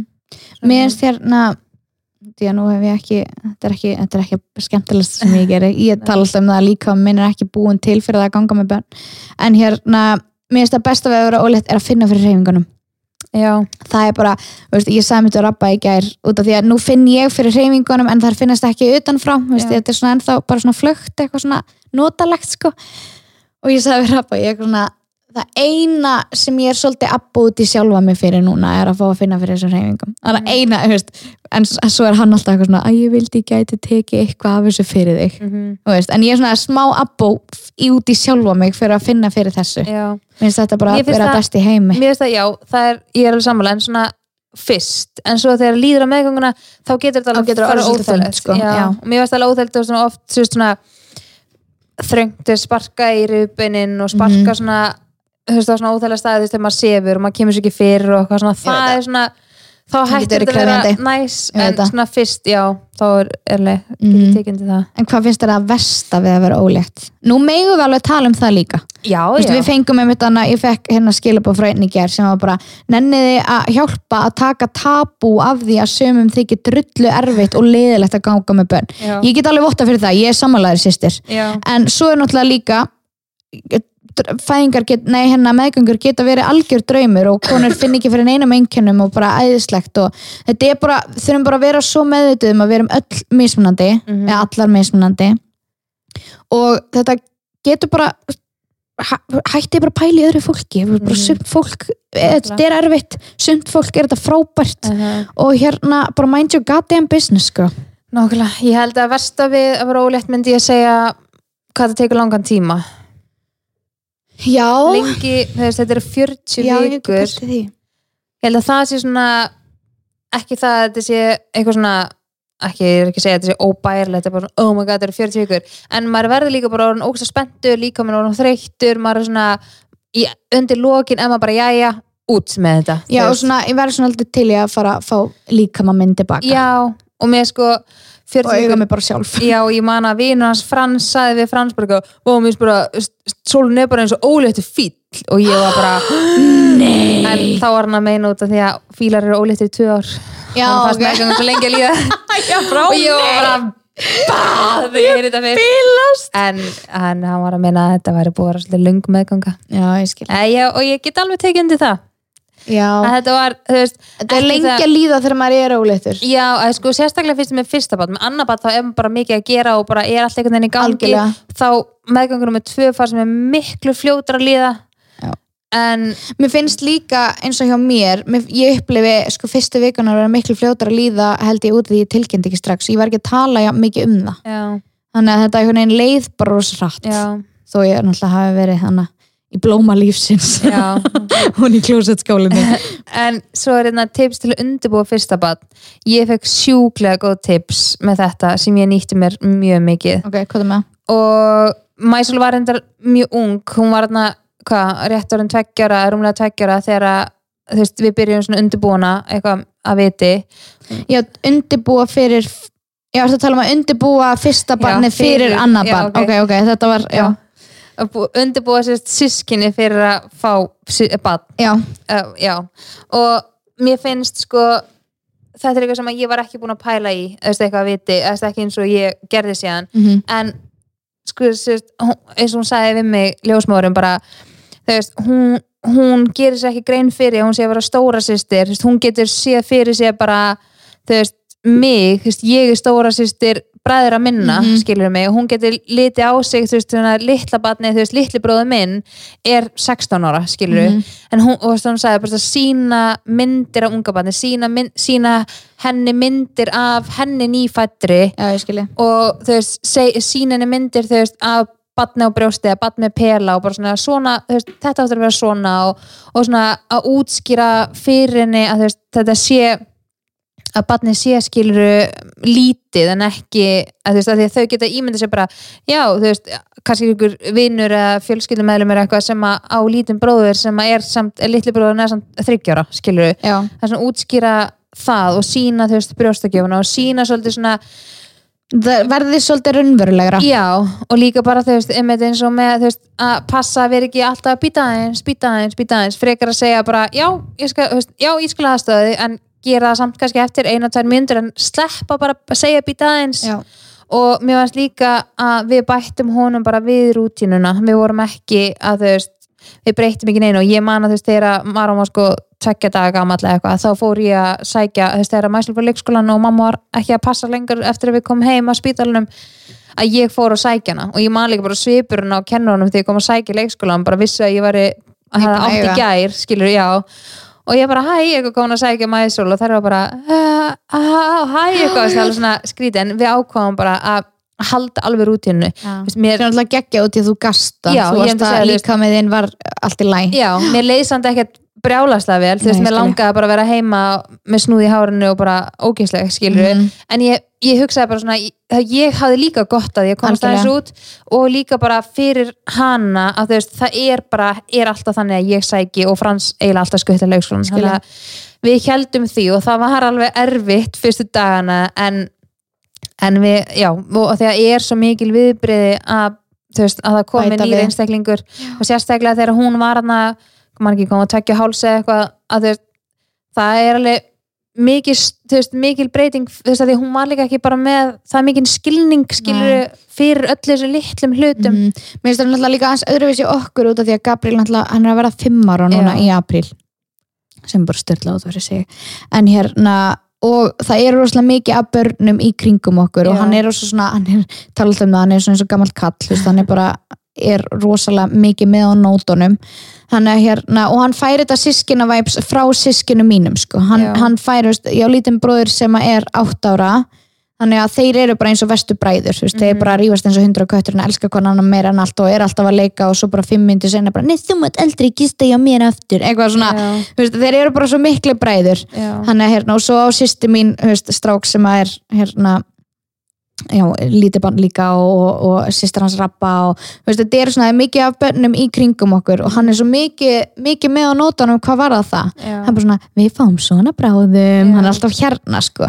Og og hann er Já, hann skilur svo mikið meira sko, þannig að ég held að það mun alveg auðvelda en ég er einmitt þar, ég er í núna við erum í svona út af því að hann er náttúrulega bara eina barnið okkar og ég hef ekkert annað að gera heima heldur en að vera bara að leika við hann og sínu húnum og græða að gera, en ég er svona við erum meðvitað núna í svona nei, ég ger þetta bara sjálfur Já. sem er alveg ógeðslega erfitt og því að ég sagði frá því um daginn, ég satt bara í sófanum og hann bara, mamma, má ég fá mjólk og ég bara, já, sæktu þið mjólk svo sitt ég hann bara í sófanum og ger ekki neitt og ég bara, mér langaði bara að sækja mjólk fyrir hann Já. en hann bara svona, ha? Og ég svona, já, sæktu bara að hann sótti sér bara mjólk Mhm. en þetta var alveg svona skrítið fyrir okkur bæði ég vil frekar að hann finni þetta núna Já. heldur en að þetta sé með við, viðbröðunum við því að fá barnin á heimilið að sé bróður hans að kenna að þú sett ekki þjónust að hann lengur Nákvæmlega, þannig að hérna, já, þannig að við, við erum alveg svona með á nótunum hvað var það og það var einmitt partur við vorum svona veltaði fyrir okkur hvort við ætlum að fá að vita kynni eða ekki en svo vildum við bara fá að vita kynni til þess að einmitt gera þetta raunverulegra fyrir hann Já. Mhm. og svona, þetta er svona, já, það er einhvern veginn allir meiri, veist, og bara leifa börnunum að vera partur af meðgöngunni, Mhm. bara rétt eins og eins og ég talaði um að það gleymist ofta að hafa kallana bara með líka, veist, þetta er ótrúlega, getur verið ótrúlega notalegu tími bara sem fjölskylda Mhm. að ganga með band, sko. algjörlega en voru þetta orðin eitthvað langu þáttur í okkur Já, það er bara juicy stuff. já, Ég ætla að fíla svona langa þætti bara hérna fyrir sjálfa mig upp á, Mhm. út af því ég hlust alltaf á þegar ég er að mæ- mála mig. Það er svona, næ, ég skipti þessu niður yfir heila viku, þá er þetta ekki bara búið daginn eftir strax. En hérna já, mér langaði líka að koma út ég var alveg út, ég var að ræða þetta við vinkunum mínum daginn sem er ólétt líka. Aðtuga semdur á meðgöngu. Mm. ég talaði mikið um þetta eftir, eftir að ég átti Gabriel Mhm. þetta, já, býttu bara. Já, já. Manstu, ég skrifaði fæslum þetta á, á mami og þá fór allt í fjadrafóku yfir þessu. Mhm. að ég bara, þetta býttu bara er eitthvað sem sko ég er náttúrulega að horfa alltaf öðruvis á þetta í dag og til þetta er mitt annað barn núna. Mhm. en fyrir konur sem er ólétt í fyrsta skipti þetta bara, þetta getur verið svo þetta getur bara slegja mann svo niður Mér finnst þetta getur líka bara ítt undir kvíða og stress að vera, bú- að vera alltaf að býða eftir að komi eitthvað Ko- já, þetta verði eitthvað verra og Já. veist, bara, já, njóttu þess, bara slaka núna því þegar barnið kemur þá áttu eftir að verða alltaf þreytt Mhm. ég var ekki þannig Nei. ég hef bara átt barn sem hefur alltaf sofið og eiginlega bara sofið alltaf mikið eins og ég segja, bara hafa áhrif á brjóstökju og svona þannig að hérna veist, ég hef tekið svona fjórar andökunæti með Gabriel á fimm árum sko.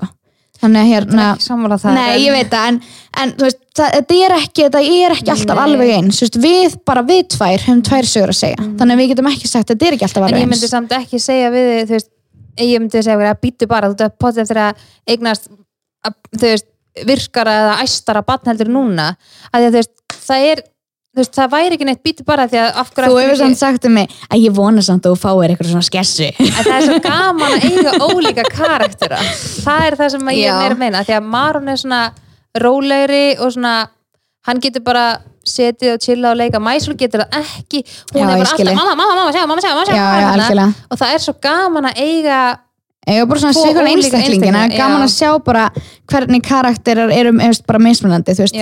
Hérna, ég held líka bara þú myndir líka bara að veist, það er svo gaman að því að Mæsul minnum ofta alveg á þig Já, veist, svona hvernig hún er svona sem karakter og svona. En svo ef við sagði við um daginn og svona, já, þú ert bótt þetta, eignar stelpu þá verður þetta eins og þú. Ég er svona, en ég opnaði ekki á mig kjaftin fyrir ég var 17 ára, sko Nei. ég var svona, ég var eins og Gabriel. Gabriel er bara nákvæmlega eins og bæði ég og Rappi vorum þegar hún lítil. Við vorum bara, heldum alveg kjafti og vorum bara alveg fyrir okkur og, og bara alveg þú veist, letum ekkert fyrir okkur fara. Og ég er alveg svona, ég er alltaf ég að peppa Gabriel bara, hei, þú mátt alveg svara fyrir þig þú mátt alveg, veist, já. ég er bara, þú mátt taka plás, bara vertu þú sjálfur. Ég er alltaf hérna, sko en hérna, auðvitað væri alveg gaman að að fá okkur svona karakterinn á heimili en ég veit bara ekki hvað þessi pláss fyrir mikið hérna með mig á kantinum. En, þetta býtu bara, þú veist, einmitt, já, býtu bara eftir að eignast barn, þá, þá hérna áttu eftir að hætta að sofa. Og svo setti ég eins þess og rúsla margir sem sögðu um mig þegar ég var óleitt af Gabriel. Og ég setti status á Facebook, þá voru við þá voru við ennþá að setja status á Facebook sko á þeim tíma. Að hérna, og sagði bara já, það voru rúsla margir sem sögðu býtu bara við mig, veist, og nú er banni bara orðið eins ás og ég hef ekki tekið eina andökunátt Mhm. og það bara, já, býti bara hann á eftir að taka eitthvað svona tímabil þegar, bara þegar hann verið úlingur eða eitthvað, ég bara á ég bara að lifa lífinu mínu í það að býða eftir einhverju slæmu sem getur fyrir að fara að gerast. Og, veist, og ég er ekki að tala um það sem að þú hefur sagt með veist, karakterin og allt það en ég hef fengið út af því að nú bara eru rosalega margir sem að halda því fram og finnst að ég hafi sloppið rosalega vel í móðurhlutverkinu. Að ég hafi bara eignast bara ótrúlega gott barn sem lætur ekkert fyrir sér fara og það ég upplifa það pyrri fólk ég upplifi og mömmur í kringum mig ég upplifa bara sumar mömmur sem er minnumáttakend eða get ekki talað um það hvernig sín börn eru út af því að ég er ekki að segja veist, Gabriel tekur frekjuköst. Gabriel tekur, málega bara ég við erum bara með okkar uppeldisaðferðir þannig að við vitum hvernig ætla, við ætlum að tækla það. Þannig að það verður einhvern veginn ekkert rosalega mikið vandamál úr því. Skil. og við einhvern veginn bara svona veist, ég veit ekki, mér finnst að við fyrir út í uppeldistæmið mér finnst að sko og ég ætlaði að nefna eins og þætti líka með eftirfæðingu að ef að þú sem móðir kynni þér hlutir mjög vel og reynir svona þitt allra besta að vera róleg í hlutverkinu og örug þá muni alltaf benefita þig þá muni alltaf hjálpa þér því þú getur ekki róa barn þegar þú ert óróleg sjálf. Og það mun alltaf hjálpa til. Mhm. þannig að hérna það er svona eitthvað sem mér finnst ótrúlega mikilvægt verandi með unga barn og vera bara í móðuhlutrykkinu yfir höfuð að, að reyna svona, svolítið að vera með á nótunum og bara þekkja barnið sitt, þekkja þarfir barnsins, þekkja þínar þarfir og, og eins og ég oft talað um að sinna grunnþörfum allra á heimilinu. Ég er þar bara, ég pæli just, ég oft talað um það just, eins og ég síðast þetta, það er rosalega mikið að gera hjá okkur. En ég að vera mitt hlutverk sem mamman og eiginkona og bara konan á heimilinu að ég ég sinni grunnþörum allra. Ég vil að allir sofi nóg. Ég vil að allir séu vel nærðir. Ég vil að þetta sé, veist, þetta sé svona, svona, svona. Allir með mismunandi grunnþarfir og það séu allir góðir til þess að geta tæklað það sem koma skal. Þannig að hérna það, veist, það að vera bara með ákveðna ró og öryggi yfir móðurhlutverkinu finnst mér bara eitthvað sem að skipti mig ótrúlega miklu máli og hefur hjálpað mér ótrúlega mikið í móðurhlutverkinu þó að vissulega er þetta kræfjandi á tímum og þetta að koma erfi tímabil þar sem að maður getur kannski mist sig og svona en þá er einmitt, þetta er, ég segi alltaf þetta er ákveðin list, uppeldi er ákveðin list að eiga bönn er ákveðin list.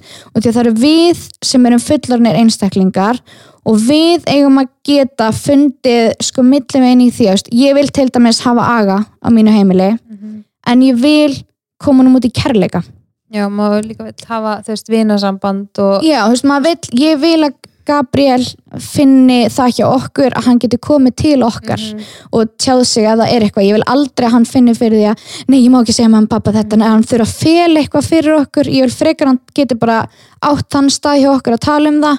En samt vilja að sjá ákveðin ægja heimileg þannig að þetta er bara ákveðin list sé líka, þú veist, bara að það sé ákveðin virðing þú veist, á báða bóa skilur, hann byrja virðingu fyrir ykkur að því að veist oft svona oft sér maður bara út í búð, þú veist, Mhm. hvernig fóreldrar tala við börnin sín það er hræðilegt sko þú veist, á ákveðnum tíumpunkti fer barnið að tala eins við þig þú veist, Mhm. þegar það er ekki alveg ef þú elst ekki upp að sé virðing þú veist, borin fyrir þér, þá lærir ekki að bera virðingu fyrir öðrum Algjörlega, og þetta er eitthvað sem við, við tömdum okkur bara eiginlega bara strax þegar við töluðum um þetta þegar við áttum Gabriel var að við viljum nálgast börnir okkar í þannig uppeldi að þetta eru einstaklingar Mhm. Ég vil ekki koma fram við Gabriel eins og ég myndi ekki að einhver myndi, myndi koma fram við mig. Veist, ég myndi ekki vilja það. Þannig að hérna, þó hans í barnið mitt og minnst oft svona tuskað börnum til bara hinga og þanga bara, ég er að fara þanga, ég er að gera þetta. Og svo bara börnin vit ekki neitt og það er bara allt í einhver svona óöryggi og, og út af því ég var mikið kvíðabart sjálf og ég, ég mun tala við mömmu um þetta hún bara svona, vá ég fatta þetta ekki. Og var svona, mamma hvert eru, hvert eru að fara? Og hún bara, "Æ, hæ, hættu að vera svona forvitin og ég bara kvíðabolti, sit hana aftur í veit ekkert hvert ég er að fara hvert er verið að fara með mig Mhm. þú veist, og ég svona, ég fyrir bara að hugsa að vesta verandi samt bara fjara, fimm ára gömul sko. Mhm. þannig að hérna, mér finnst þetta svo mikilvægt að við erum með einstaklinga og við eigum bara að tala saman algjörlega að það er bara, það er nummer 1, 2 og 3 og veist, ég upplifi þetta það eru rosalega margar mömmur í kringum mig búin að vera bara, oh, ég vona svo mikið þú ert búin að hafa það svo notalegt, ég vona svo mikið að þú fáið bara eitthvað skærulega núna sem bara, og ég er bara svona af hverju? vill fólki mitt mér ekki vel? Já, vill fólki mitt ekki að heimilislífi mitt bara gangi upp út af því að nú á ég bara mína sögu með andlega veikindi og svona og ég veit bara að það er eitthvað annað úti sem er að venda mig fyrir því að, að veist, bara að ég tek, tak ekki meira á mig en ég höndla mm. skilur en mér finnst líka bara, þú veist, þegar fólk er eitthvað svona þú veist, þó svo að þú veist, Gabriel er yndislegur og dásalega það, en þá er samt vinna eiga bann, það er ógst mikið vinna Alltaf. alveg sama hvort að barnið sé kveisabarn eða ekki, þá er alltaf um þess að tala um sömu grunnþarfir, það er sama álægið að vera 24-7 mm, ábyrð á okkur um einstaklingi þó svo Mhm. kannski bætist eitthvað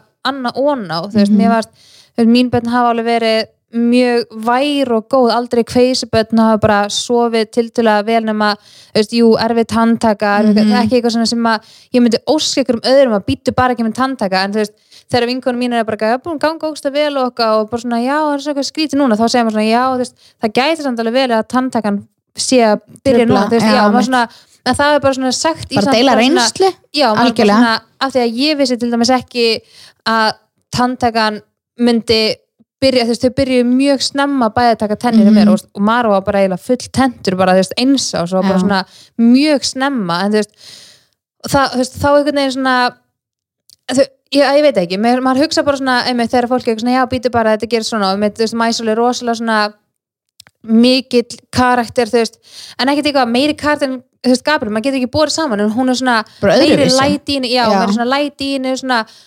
Meiri svona light í henni svona, ma, þú veist, outgoing eitthvað en hún er ekkert erfiðari heldur en Gabriel en maður berið saman, erfiðari að gefa henn að borða erfiðari að svæfa hana. þetta er bara mismunandi þarfir er, og já, en svo, einmitt, svo eignast ég Maron og þau eru bara svart og hvítt Mhm. og það er svo gaman að sjá tvo ólíka einstaklinga algjörlega. sem að Kom maður undan þér. til, já, og maður er bara svona, vá og, veist, en ég sé svo ótrúlega margt í mér í honum og ég sé svo ótrúlega margt í mér í henni líka. Mhm. og maður er bara svona og það er það sem að ég myndi að segja þig ég vona að þú fáir svona svona ólíka auka útgáfu bara, Já.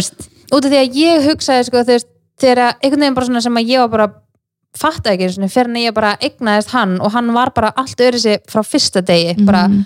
þau voru svo ólík bara tekja dag gömul, þú veist, maður Mhm. sá bara strax munin á þeim, en þá hugsaði ég bara svona, vá, ég held ég vissi bara nákvæmlega hvað ég var út í Mhm. en þú veist, það virkar ekki að sama á, á þau, Nei, ég segi eitt við hana og ég seg, útskýra öðru sig fyrir honum og þú veist, það næri einhvern veginn ekki að sama yfir þið bæði, en ég var bara búin að ákveða bara, nú er ég búin að eiga batni í þetta langan tíma og ég bara eignast annað batn og ég gera bara sama, þú veist. Mhm. en maður er einhvern veginn bara fyrir tíu skrif aftur og bak og bara byrjar á byrjunar bara ok, þetta virkar ekki fyrir hann, ég verð að þetta finna er bara eitthvað annað.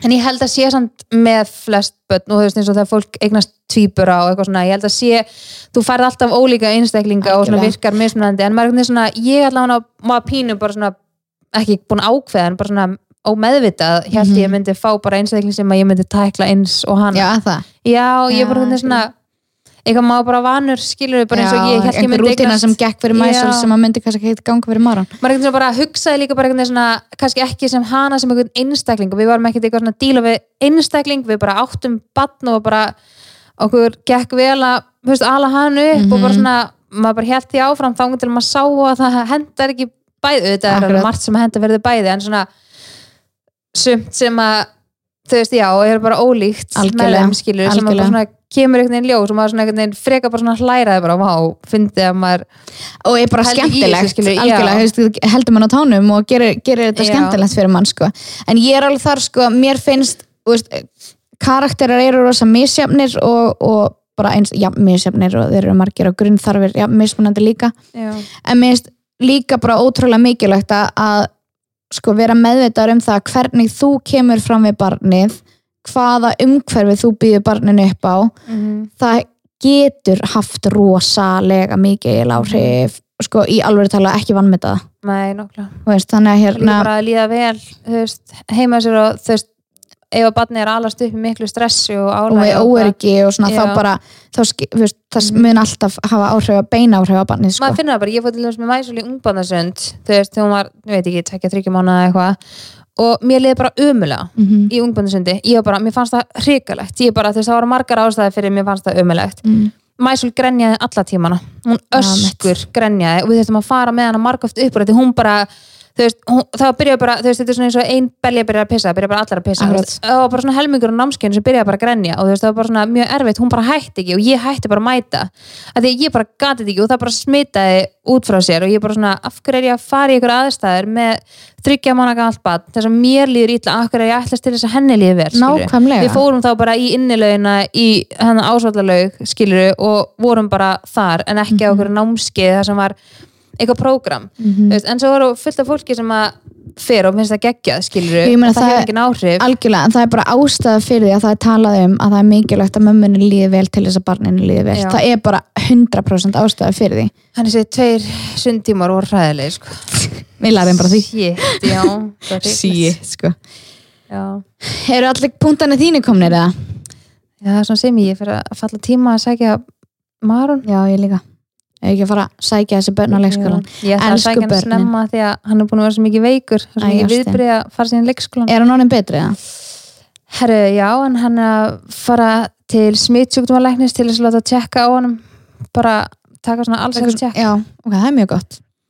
Það að fá að vita eitthvað? Já, já, ég held að sé bara nöðslegt hann er búin að vera allt um, og, þú veist, óeðlilega veikur með að vera hans í bólusettur og bara, þú veist allir pakkin að við öll séum hraust og þannig að það er eitthvað sem að við viljum allan útiloka að sem bara gott. En þetta var reynslegt, bara verða ykkur góðu með hérna klukkutíma og 40 mínútur. Já nokkulega Vilt, vilt þú hérna vera Herru, ég tók þetta síðast það er pínlegt þú mátt sjá um því í dag. Æ, elskunar, þetta voru bara við. Við sjáum stress og kátt í næstu viku